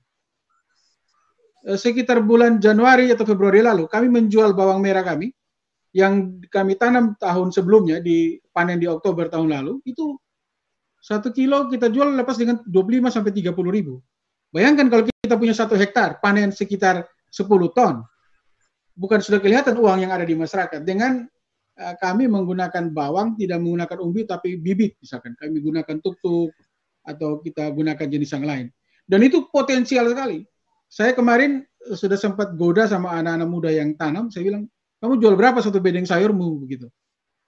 Bagi saya secara pribadi dalam pengalaman 3 sampai 5 tahun ini, market di Wengapu tidak ada soal. Pasar di Wengapu terlalu besar, apalagi ini produknya kita produk organik gitu ya. Kita tidak menggunakan pupuk kimia.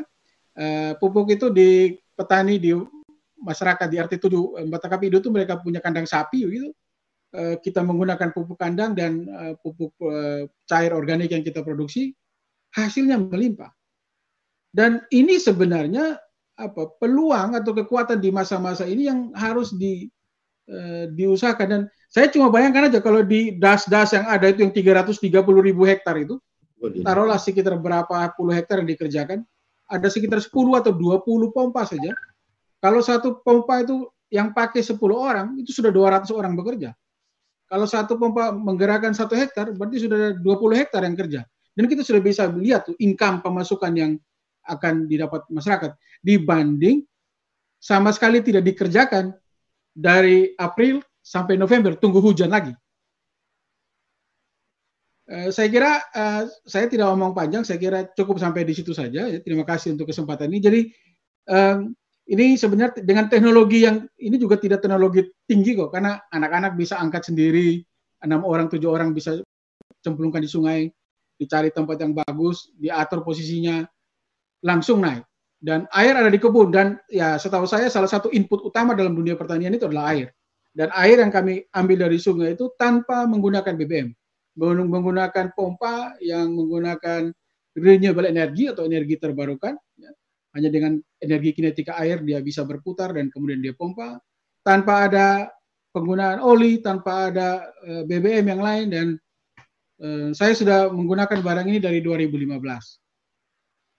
Oke, itu saja. Terima kasih Pak uh, Marlan untuk kesempatannya. Selamat siang. Terima kasih Pak Hendrik atas uh, praktek baik yang telah dilakukan di Sumba Timur. Selanjutnya untuk memperkaya bahasan yang telah disampaikan uh, kurang lebih ber, berlima ini dari mulai kawan-kawan kami dari Litbang, kemudian Bu Lina, kemudian Pak Andriko, kemudian Pak To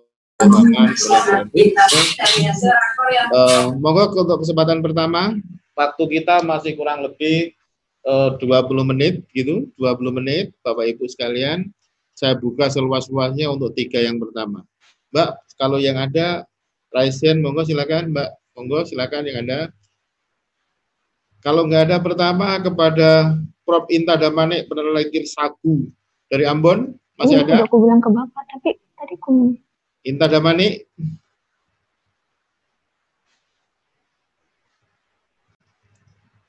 Bu Inta Damani.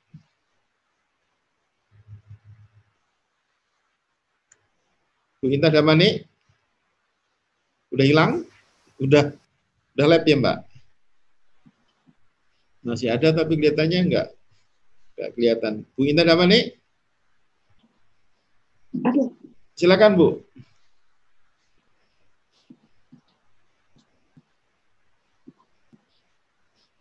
Halo. Halo Bu. Silakan.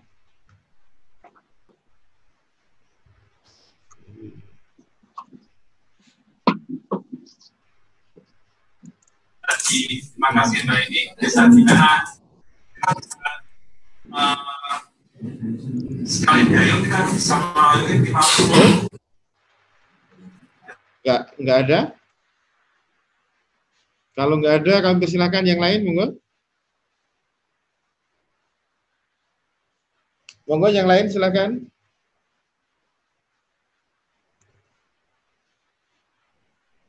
Pak Marlan. Dari Pak Pak Pak siapa ya? komentar Pak. Monggo Pak silakan. Iya, jadi eh, saya terkesan dengan apa yang disampaikan Pak Tohaman dengan Pak Hendrik tadi itu. Itu Gimana, Pak? dari Kemendes layak diapresiasi itu Pak, dikasih ya, penghargaan Pak. 17 Agustus itu sebagai pelopor pembangunan desa. Ya. Jadi memang Pak, saya rekayasa teknis itu relatif mudah untuk kita laksanakan. Jadi asal dukungan anggarannya kemudian tersedia, kemudian tetapi merekayasa sosial dan kelembagaan ini pengalaman saya yang luar biasa susah nih Pak. Jadi sesuatu konsep yang tadi disampaikan oleh adik-adik dari tim kajian misalnya, demikian ini kemudian nanti berhadapan dengan rekayasa sosial dan rekayasa kelembagaan di lapangan untuk ketemu dengan orang-orang Pak Hendrik maupun Pak Toma, Pak Tohaman ini. Siap. Ini yang kemudian susah, Pak. Tidak semua orang seperti itu. Jadi kita punya pengalaman banyak dengan program-program pemberdayaan yang kita laksanakan di lapangan sustainnya itu kemudian tidak terjaga dengan baik akibat rekayasa sosial dan kelembagaannya tidak bisa kita pertahankan dengan sebaik-baiknya. Jadi pengalamannya Pak Hendrik, pengalamannya Pak Tohaman, bagaimana dia tidak hanya membangun ketahanan pangan desa, tapi sampai ketahanan pangan keluarga, ya, ketahanan pangan RW, ketahanan pangan desa. Karena prinsipnya kalau itu semua selesai, ketahanan nasional selesai, Pak. Ketahanan pangan nasional. Kemudian Pak Hendrik bagaimana dia mengoptimalkan satu tantangan menjadi peluang. Ya, bagaimana membuat satu sistem irigasi yang ramah lingkungan, murah, efektif, efisien sehingga kami pernah datang ke Waingampu ini NTT bukan, Pak? NTT, Pak. Ya, kami datang ke NTT, kami datang ke Flores, kami ketemu dulu dengan Bu Maria Loreta, tidak mudah membangun pangan di sana. Jadi tanahnya kurang subur, iklimnya kering. Jadi air itu menjadi kunci. Nah, kemudian air bisa dikelola dengan energi yang demikian murah untuk mengairi mengairi lahan yang kemudian produktif.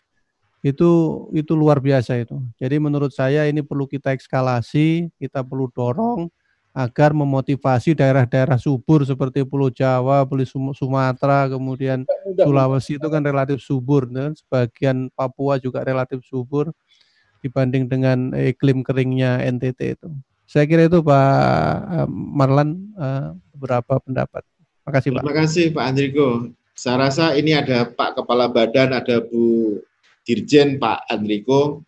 Apa yang Bapak sampaikan saya tidak perlu nyampaikan kepada beliau Pak. Mudah-mudahan nanti bisa ditindaklanjuti Pak atas eh, saran baik ini saya rasa untuk meningkatkan semangat kawan-kawan yang ada yang di kampung Pak. Kebetulan saya dari kampung juga dan menerapkan model seperti itu orang tua saya dulu Pak.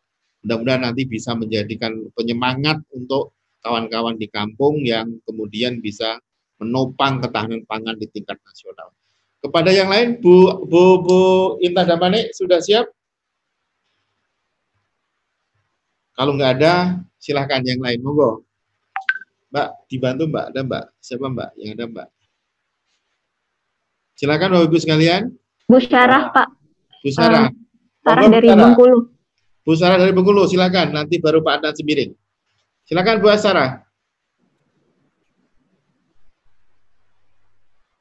Baik, Bu Sarah? Bapak. Oh, silakan. Ya, baik, Bapak. Jelas, Pak. Jelas, jelas. Bapak, terima kasih. Assalamualaikum warahmatullahi wabarakatuh. Selamat siang Bapak Kapus Litbang, tim peneliti, para narasumber, dan peserta webinar yang saya hormati. Perkenalkan, nama saya Sarah dari BPPTP Bengkulu. Terima kasih atas kesempatannya, Pak. Eh, menurut Undang-Undang Pangan, pangan adalah segala sesuatu yang berasal dari sumber hayati dan air, baik yang diolah maupun tidak diolah. Dengan kata lain, pangan adalah kebutuhan pokok manusia yang diperlukan untuk kelangsungan hidup manusia. Sedangkan kebutuhan manusia itu meliputi karbohidrat, protein, dan mineral. Jika menyangkut pembahasan pada hari ini, eh, saat membicarakan ketahanan pangan, pasti yang dibahas itu hanya dari sisi pemenuhan dan ketersediaan sumber karbohidratnya saja atau pertaniannya saja, seperti beras, jagung, singkong, dan lain-lain. Sedangkan pangan dari sumber protein seperti daging dan ikan uh, kurang dibahas bahkan tidak uh, disentuh. Padahal negara kita merupakan negara kepulauan yang sedikit memiliki lahan darat produktif dan mata pencariannya juga berasal dari sektor perikanan. Lalu izin Pak uh, menyampaikan pertanyaan, bagaimana pendapat para tim peneliti dan para narasumber, terutama dari ketahanan pangan Kementerian Pertanian, tentang ketersediaan dan ketahanan pangan di desa, khususnya pada sektor peternakan dan perikanan untuk pemenuhan kebutuhan protein masyarakat desa. Terima kasih Bapak.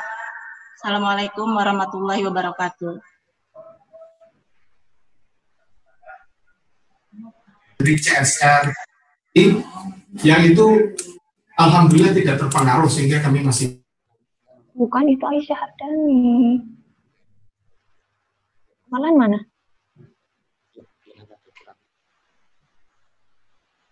Halo? Ya. Silakan Pak Adnan. Oh, Adnan. Pak Adnan? Pak Adnan?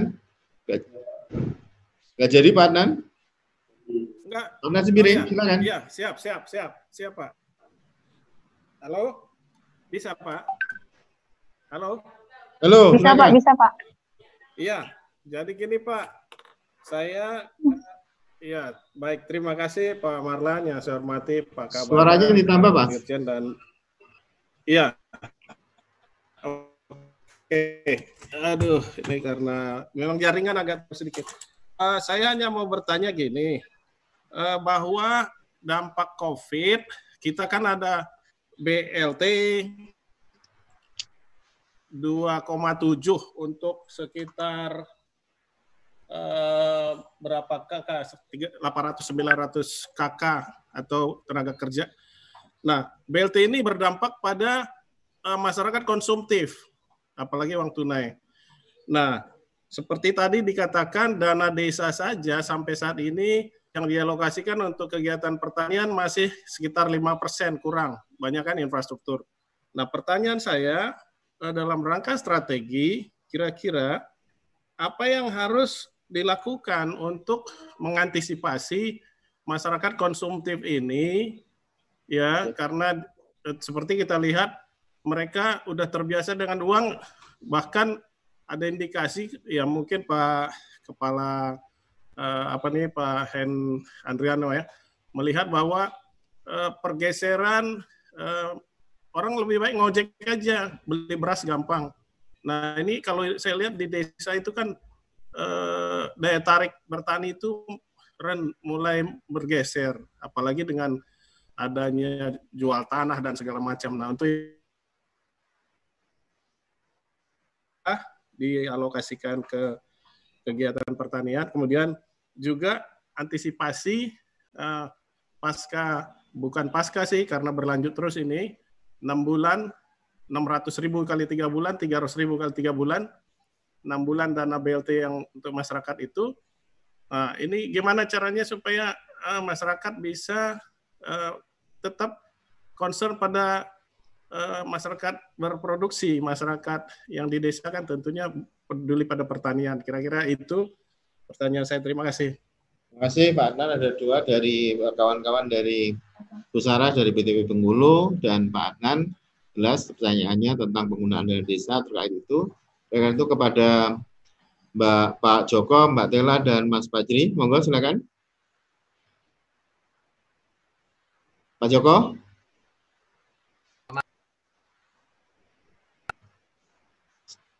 Silakan Pak Joko. Dibuka Mbak, itunya Mbak, unmute-nya Mbak. Oke. Terima kasih. Saya coba untuk menjawab yang terakhir tadi. Tapi pertama-tama saya akan menggarisbawahi Pak Pak Anjo tadi memang memang satu seperti Pak Hendrik dan Pak Tohaman ini tidak banyak sebenarnya. Jadi kuncinya sebenarnya dengan hasil studi ini sebenarnya menunjukkan bahwa sebenarnya kalau teorinya kan jaring pengaman sosial itu harus diikuti dengan dengan satu aktivitas ekonomi produktif sebenarnya. Makanya kalau dalam skala nasional ada relaksasi dan segalanya. Tapi dalam konteks BLT sebenarnya, BLT itu memang kalau tidak di, diikuti dengan satu aktivitas produktif, itu hanya untuk konsumsi. Makanya ini di dalam anggaran anggaran APBDes yang tadi sama Tela sudah di apa di, di bahkan harus ada satu refocusing. Bagaimana dengan BLT ini ada satu aktivitas produktif melalui pemberdayaan maupun PKT itu dalam konteks misalkan untuk pengembangan lahan lestari, pengembangan rawa, pengembangan industri kreatif di tingkat desa itu yang penting. Karena kalau tidak, ya habis untuk konsumsi. Makanya yang dipentingkan sebenarnya saat ini, ini seperti yang dikatakan direkomendasikan harus ada satu dalam data kutip arahan. Nanti kalau kita arahkan terlalu cepat, nanti artinya desa diatur-atur. Sebenarnya dengan kewenangannya desa bisa apa pun, Pak. Tapi seorang kepala desa seperti Pak Tohaman tidak banyak. Ini persoalannya. Saya bagaimana dengan Pak Tohaman bisa cerita. Bagaimana saya mengawal APBDes-nya ini sehingga bisa mempunyai satu satu yang pengarus utamaan ini. Jadi kuncinya Pak, BLT bisa efektif kalau diikuti dengan aktivitas ekonomi produktif yang bersumber dari realokasi dan refocusing anggaran APBDes. Karena di sinilah politik anggaran itu bermain. Nah, tidak semua orang memahami tentang politik anggaran berdesa ini. Ini yang bahaya. Makanya bagi saya, selama kegiatan fisik yang terkait dengan PKT tidak terkait dengan pangan dan apa dan COVID, Bulina sarankan aja ke menteri dirubah itu. Kalau hanya untuk olahraga itu untuk apa? Bisa kita masih APBD apa tahap 2, tahap 3. Tapi kalau itu nanti pekerjaannya tidak bermuara pada COVID dan pangan, ya tidak ada artinya gitu. Makanya sekarang mau berubah atau mau punah. Saatnya ini periode perubahan APBD tahap 2 dan tahap 3. Saya pikir itu Pak. Terima kasih. Terima kasih Pak Joko. Ada tambahan? Ada tim yang mau nambahin. Ada Mbak Tela, Mbak Mas Fajri, singkat padat begitu. Monggo silakan. Jangan lepas, jangan tidak. Ayo. Hmm. Silakan dibuka Mbak Mbak Mbak Rista. Unmute-nya. Fajri Tela. Ini Mbak Tela. Eh Mbak Tela, silakan. Oh, ya, Uh, baik, mungkin kalau tambahan dari uh, saya, sebagaimana tadi uh, sempat dikemukakan oleh Bu Dian juga bahwa selama uh, penanganan COVID ini kan Permen Desa 6 2020 mengamanatkan dana desa untuk tiga uh, tiga hal saja gitu. Salah satunya adalah PKTD. Nah, mungkin skema dari PKTD ini yang lebih dicari lagi uh, ketika sebelum-sebelumnya di masa normal PKTD ini lebih difokuskan untuk pembangunan infrastruktur, uh, jembatan misalnya atau uh, apa ruang kepala desa misalnya seperti itu. Tapi uh, sekarang dicari lagi kegiatan-kegiatan pro produktif yang mendukung ketahanan pangan di desa itu seperti apa. Contohnya uh, di RPJMN 2020 kita punya target pekarangan lestari misalnya. Nah, uh, pekarangan lestari ini mungkin secara teknis ada di Kementerian Pertanian dalam mencapai targetnya. Tapi Kementerian Desa di sini bisa bersinergi dengan Kementerian Pertanian uh, dengan mengeluarkan sebuah kebijakan entah itu surat edaran atau misalnya himbauan kepada para kepala desa bahwa tiap-tiap desa itu diharapkan masyarakatnya bisa menanami pekarangan rumahnya dengan eh, tanaman-tanaman uh, yang uh, mendukung mendukung kesehatan mereka gitu. Jadi uh, kemarin saya sempat mengikuti webinar dengan salah satu dokter. Ini menyambung mungkin uh, ke pertanyaannya Mbak Syarah juga bahwa uh, sebenarnya kalau untuk di masa COVID seperti ini uh, yang dibutuhkan selain daripada karbohidrat yang didapat dari beras, uh, tetapi juga bagaimana masyarakat desa itu punya kesadaran untuk memakan yang namanya sayur-sayuran dan buah-buahan. Yang selama ini biasanya orang desa kalau habis panen sayur dan buah, terutama brokoli karena brokoli itu harganya mahal, uh, itu langsung mindsetnya adalah dijual ke pasar. Padahal sebenarnya orang desa tersebut dengan sumber daya lokal yang mereka miliki, dengan banyaknya sayur dan buah yang mereka punya, itu juga harus dikonsumsi oleh mereka terkait dengan COVID ini belum ada vaksinnya Bapak dan Ibu. Jadi memang e, sangat mengandalkan imunitas tubuh dalam melawan atau menangkal virus-virus tersebut. Nah mungkin e, bisa juga disampaikan kepada para kepala desa bahwa e, pemenuhan pangan di masyarakat desa itu tidak hanya sebatas mereka punya bahan-bahan sembako seperti bansos-bansos sebelumnya, tetapi bagaimana mereka bisa memanfaatkan pekarangan rumah untuk menanami uh, sayuran dan buah-buahan yang mereka harus konsumsi sendiri secara keluarga. Seperti itu, Pak. Oke, terima kasih Mbak Tela. Selanjutnya, ini karena tinggal kurang lebih 10 menit, Mbak Amita sama Bu Inta. Bu Inta ini peneliti sagu sebetulnya. Mudah-mudahan bisa jangan lama-lama, Mbak ya. Karena ada Pak Kaban sama Pak Bu Dirjen yang tadi tagihan dari saran Pak Andriko harus ditindaklanjuti. Pada Bu Amita dan Bu Inta, monggo e, singkat, padat begitu. Terima kasih. Monggo silakan, Mbak. Siapa dulu? Ya, Bu, Bu Inta, Bu, Bu Anwita, Amita, monggo Bu Amita. Terima kasih banyak Pak Kap Uh, mohon izin Bu Dirjen, Pak Kepala Balai Latvo, peserta sekalian, ada beberapa pertanyaan yang ingin saya pertama untuk teman-teman peneliti. Jadi yang pertama sebetulnya ini menarik sekali gitu tadi dan rekomendasi yang perlu desa yang ini yang ingin saya tanyakan sebetulnya uh, ini kan terkait juga dengan pola konsumsi masyarakat Indonesia ya seperti disebutkan sama Ibu Syarah dan Mbak Tela juga bahwa dibutuhkan itu kan tidak cuma karbohidrat tapi juga uh, protein, lemak dan vitamin dan mineral. Kebetulan masyarakat dan di jurusan gizi. Jadi sebetulnya yang bahas hari ini uh, selama ini kami apa kami bahas sampai berbusa-busa gitu. Tapi karena belum ada kondisi yang maksa kita untuk uh, melakukan ini semua, jadi sekedar wacana, jadi sekedar uh, masuk kuping kanan keluar kuping kiri di level masyarakat. Nah, yang ingin saya tanyakan sebetulnya uh, strategi seperti apa sih yang perlu kita bentuk gitu, uh, atau ekosistem seperti apa bentuk supaya muncul kebiasaan mengkonsumsi pangan ini gitu dan uh, supaya desa juga pihak pemerintah desa mau untuk mainstreaming uh, pangan gitu pembangunan desa seperti tadi yang dipaparkan oleh Mbak Tela. Nah, ini sebetulnya pertanyaan juga untuk Andriko gitu dari BKP uh, karena terkait juga dengan tadi yang disebutkan untuk mengkonsumsi pangan lokal gitu. Kalau kita lihat di Indonesia juga banyak yang sudah budidaya sorghum, terus Jawa wood, bahkan dulu kita juga sebetulnya terbiasa untuk makan nasi jagung gitu, desa. Nah, apakah kondisi sekarang ini jadi kesempatan untuk istilahnya mengkonstruksi gitu uh, kebiasaan kita makan beras dan sebagainya. Nah, uh, pertanyaan kedua mungkin saya sampaikan ke Pak Henry ya dan Pak Tohaman karena melihat proses padat, ya, pemberdayaan ya, ya. yang dilakukan, ya, uh, sebetulnya bagaimana awalnya bisa memotivasi masyarakat untuk mau ikut bergerak gitu, untuk mau ada akhirnya lumbung pangan, terus bantu menanam sayuran dan uh, segala macamnya. Itu menarik juga ketika kemarin uh, mendengarkan paparan dari Kades di Jogja yaitu kepala desa Panggung Harjo.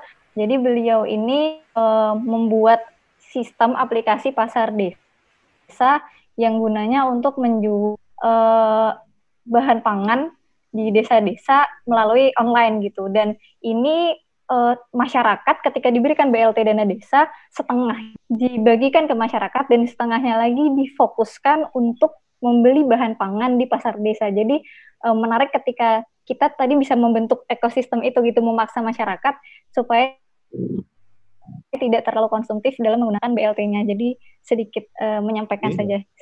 Uh, saya rasa itu saja Pak Kapus. Terima kasih banyak. Terima kasih Mbak Inta. Selanjutnya Bu Inta. Tidak ya. banyak waktunya Bu. Singkat ya. karena dari pertama tadi hilang. Iya, ya. mohon maaf karena saya harus sudah online juga. Selamat siang semuanya. Uh, saya mempersingkat waktu saja. Pertanyaan saya cuma dua uh, kalau dia berbasis pangan lokal, pasti masyarakat desa itu aman.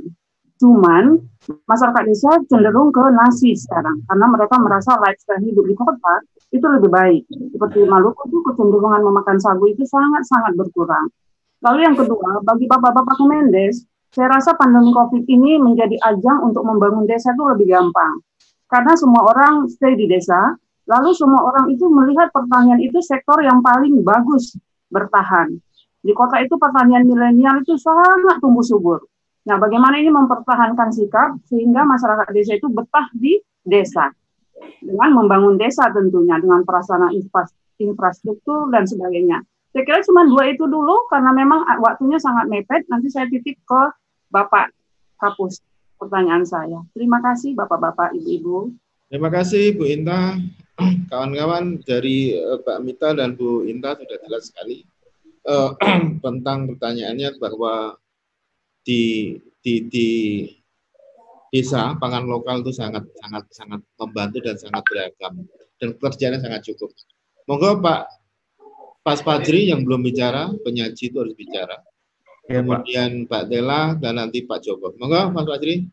Ya, uh, baik. Terima kasih Pak atas waktunya. Saya ingin mengomentari pertanyaan dari Mbak Amita yang sebenarnya ini sama persis dengan uh, pertanyaan dari Mbak Saras terkait mengenai bagaimana sih kita berbicara pangan itu tidak hanya sekedar beras. Memang dan strateginya seperti apa? Memang secara pangan itu kita tidak berbicara tentang karbohidrat, tapi juga kita berbicara tentang protein. Nah, sebenarnya bagaimana sih kita cara strategi untuk ke depannya? Yang pertama, Nah, terkait bantuan-bantuan yang diterima oleh masyarakat, misalnya taruhlah saat ini mungkin bantuan itu masih berupa beras. Nah, ketika kita ingin mengajukan sebagai pola uh, pangan lokal di berbasis desa, maka mungkin bantuan-bantuan yang itu uh, berupa beras itu bisa diganti dengan uh, pangan lokal yang sesuai dengan berada di desa yang Misalnya taruhlah di daerah timur, mungkin bantuan uh, ber, ATM beras dan sebagainya itu bisa diganti dengan bantuan pangan lokal agar masyarakat itu sendiri itu bisa terbiasa mengkonsumsi tidak hanya beras tapi juga pangan lokal uh, di desanya. Lalu kemudian uh, pertanyaan dari Ibu Intan terkait uh, pola konsumsi nasi yang uh, semakin beras. Memang benar Bu, uh, saat ini pola konsumsi beras itu menjadi uh, konsumsi utama di desa itu sendiri dan mungkin di bagian timur sudah mulai berkurang terkait sagu. Nah, uh, benar juga dikatakan oleh Ibu bahwa sebenarnya pandemi Covid ini menjadi salah satu titik uh, titik uh, start yang sangat baik bagi kita untuk mengubah pola konsumsi masyarakat desa supaya tidak lagi mengandal beras. Ketika kita ingin mau mengubah suatu pola, tentu saja saya rasa di COVID uh, di masa pandemi ini menjadi salah satu start uh, di mana kita bisa lagi mencanangkan pangan-pangan uh, lokal itu agar menjadi konsumsi masyarakat. Tidak selalu memberi tadi seperti yang saya katakan bantuan itu tidak hanya beras mungkin bantuan itu bisa diganti dengan pangan lokal yang ada. Saya rasa itu saja Pak Mungkin dari Tala dan Pak Joko bisa menambahkan.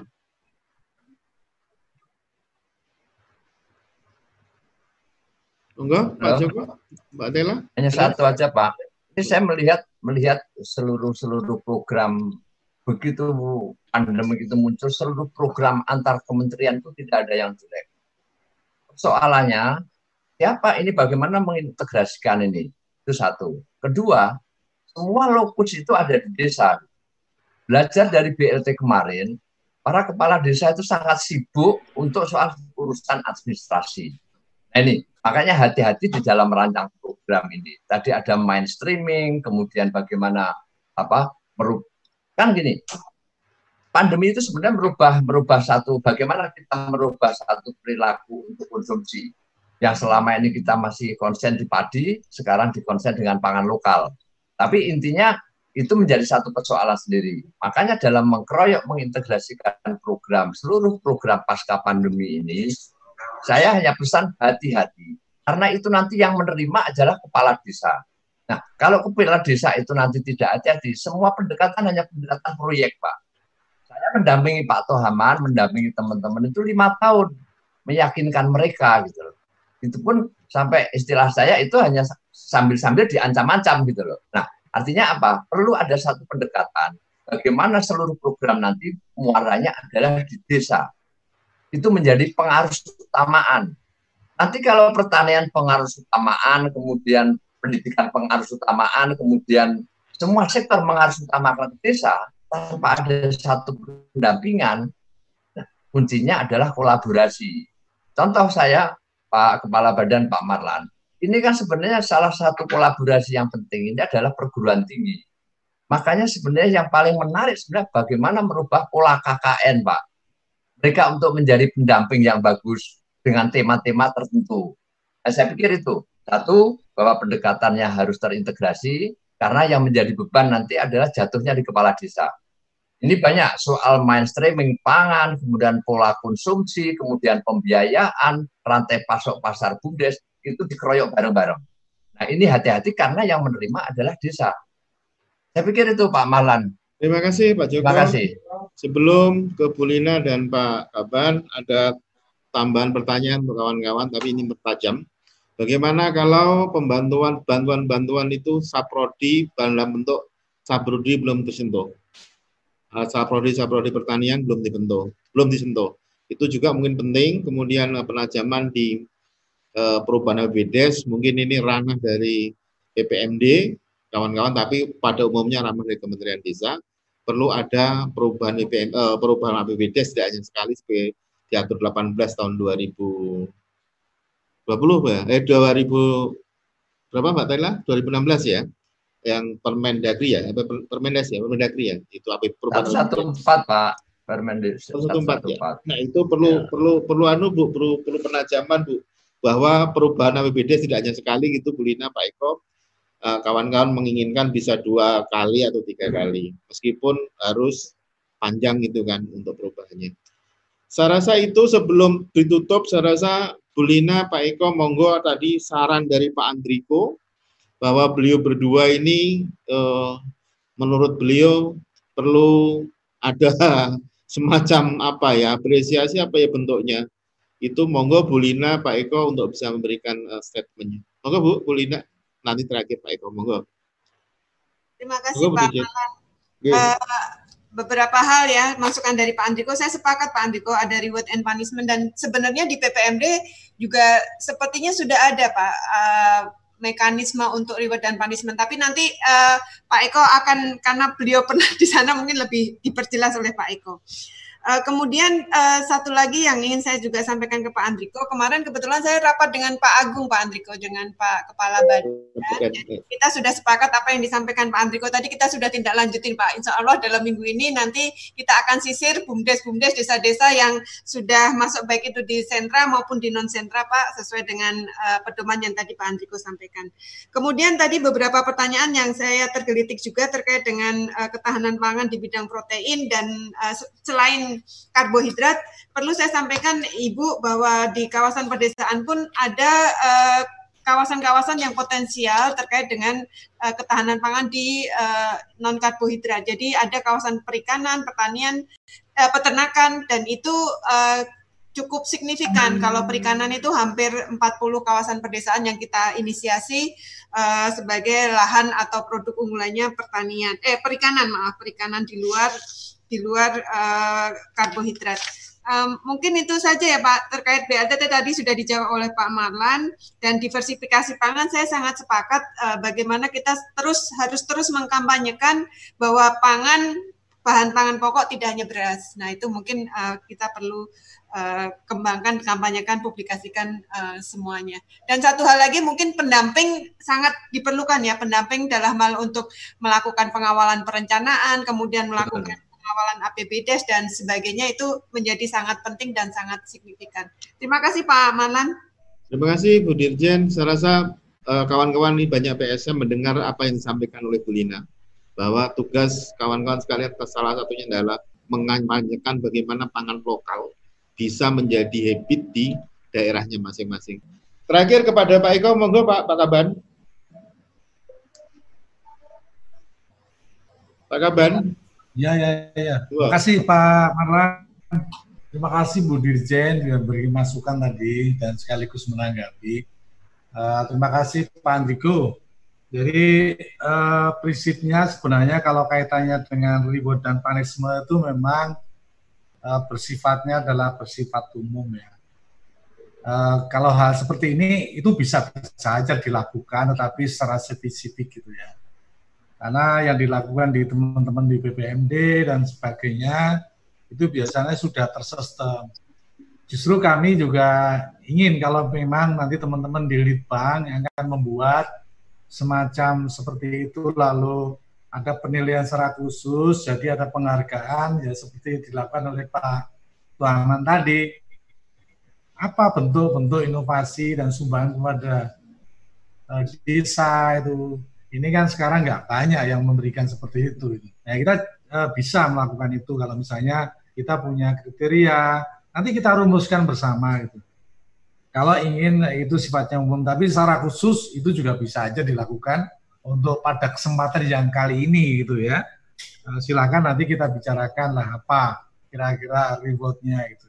Karena kan reward itu bisa yang bersifat individu, uh, individu itu individu, ada lembaga, tapi yang diharapkan Pak Andri itu kan lembaga. Lembaga itu memberikan sesuatu kepada orang yang memang dia punya prestasi dan sebagainya. Dan itu uh, tidak sembarangan gitu ya. Biasanya kita kerjasama dengan UI uh, dan sebagainya. Tapi prinsip kami menghargai apa yang dilakukan oleh uh, Pak Tuhaman dan tadi ada best practices dilakukan di uh, Pak Hendrik tadi itu juga bagus sekali karena dalam keterbatasan tapi dia punya kemampuan gitu ya. Jadi itu uh, perlu diberikan apresiasi.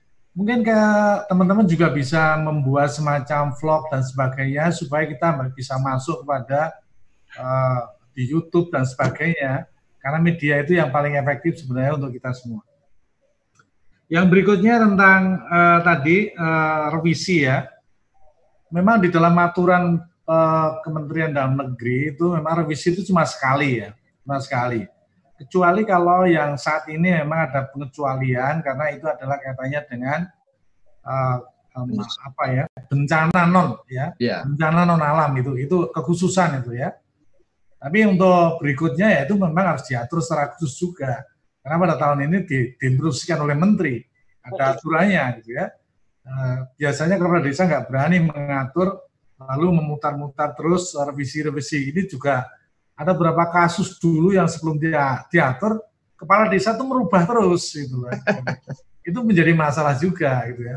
Tapi ini juga perlu lah perlu. Kalau dalam kondisi seperti ini apakah tahun depan itu juga berlaku instruksi itu untuk tahun depan?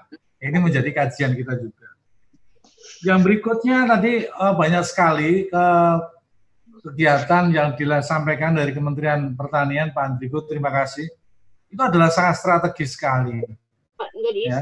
Eh, lalu bagaimana kita melaksanakan di lapangan, siapa yang mengontrol dan sebagainya.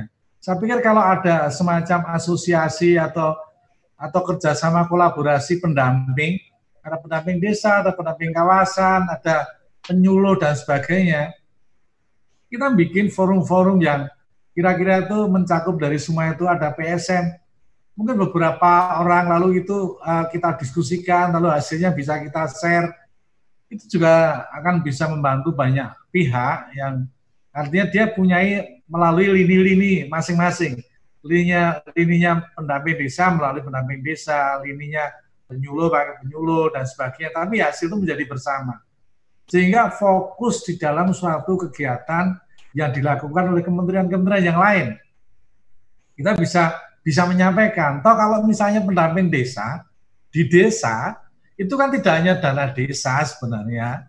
Kalau kita lihat di dalam peraturan perundang-undangan di dalam PP itu dia itu mendampingi pemerintah desa.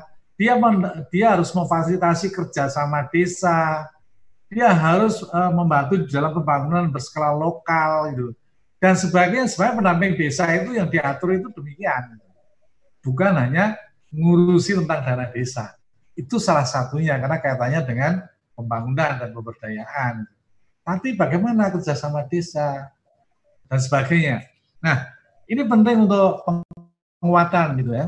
Lalu nanti kita bisa sampaikan juga juga di dalam akademi desa yang kita nanti sinkronkan beberapa ide yang bagus tadi dan sebagainya.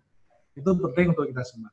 Jadi itu Pak Marlan eh, yang dapat kami sampaikan untuk sementara. Tapi kami sangat mengharapkan untuk yang terakhir ini uh, kita bisa memberikan rumusan-rumusan yang tajam kepada uh, pemerintah. Artinya kalau pemerintah di sini yang mengambil keputusan ada top manajernya Pak Menteri gitu ya. Nah, bisa kita nanti kita buatkan uh, rumusan. Jadi menggambarkan kalau kondisi sekarang, kondisi masa depan artinya dua tahun yang yang akan datang terjadi apa, lalu kita itu akan melakukan apa itu, itu yang diperlu perlu nanti disepakati perlu ada uh, semacam penguatan bagi policy itu dikeluarkan. Ya Pak. Jadi gitu ya. Uh, mungkin itu Pak Marlan dan uh, Bapak Ibu semuanya terima kasih Pak Joko terutama yang sebagai anu nih uh, apa, uh, orkestranya itu kan beliau nih. Terima kasih Pak. Orkestra Pak. Terima kasih Pak Kaban, terima kasih Bu Dirjen, terima kasih Pak Andrigo telah membantu. Mohon izin nanti kami akan mengerepotin Bapak lagi karena terus terang kami sangat tertarik dengan program Bapak dan yang kami lakukan untuk penelitian-penelitian di tingkat basis, di tingkat siap, dasar. Siap, Oleh karena itu saya akan secara pribadi mungkin akan banyak mengontak Bapak dan Pak Agung tentunya nanti untuk saling eh, apa kami minta data dan lain-lain. kepada kawan-kawan sekalian seluruhnya, saya tidak akan eh, kepada kawan-kawan narasumber, Pak Tohaman, Pak Hendrik, Bu Dirjen, eh, Pak Andriko, dan seluruh peserta, saya tidak akan menyimpulkan dari apa yang telah kami bicarakan. Saya kami akan mengerjakan berikutnya sebagai saran dari Bu Lina dan juga Pak Kaban.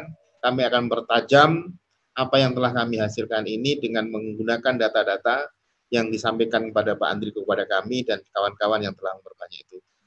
Demikian, terima kasih. Mohon maaf apabila kurang berkenan dalam mandu ini.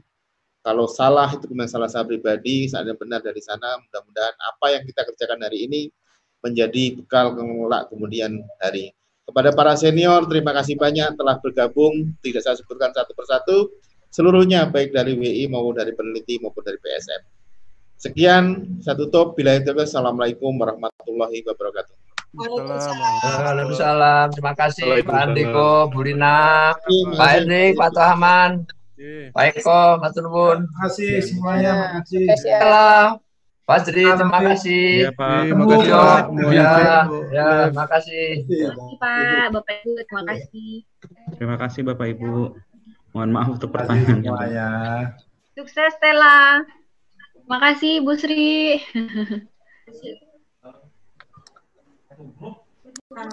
Pak Joko jangan live dulu ya. Oke, izin. Oh Pak, J.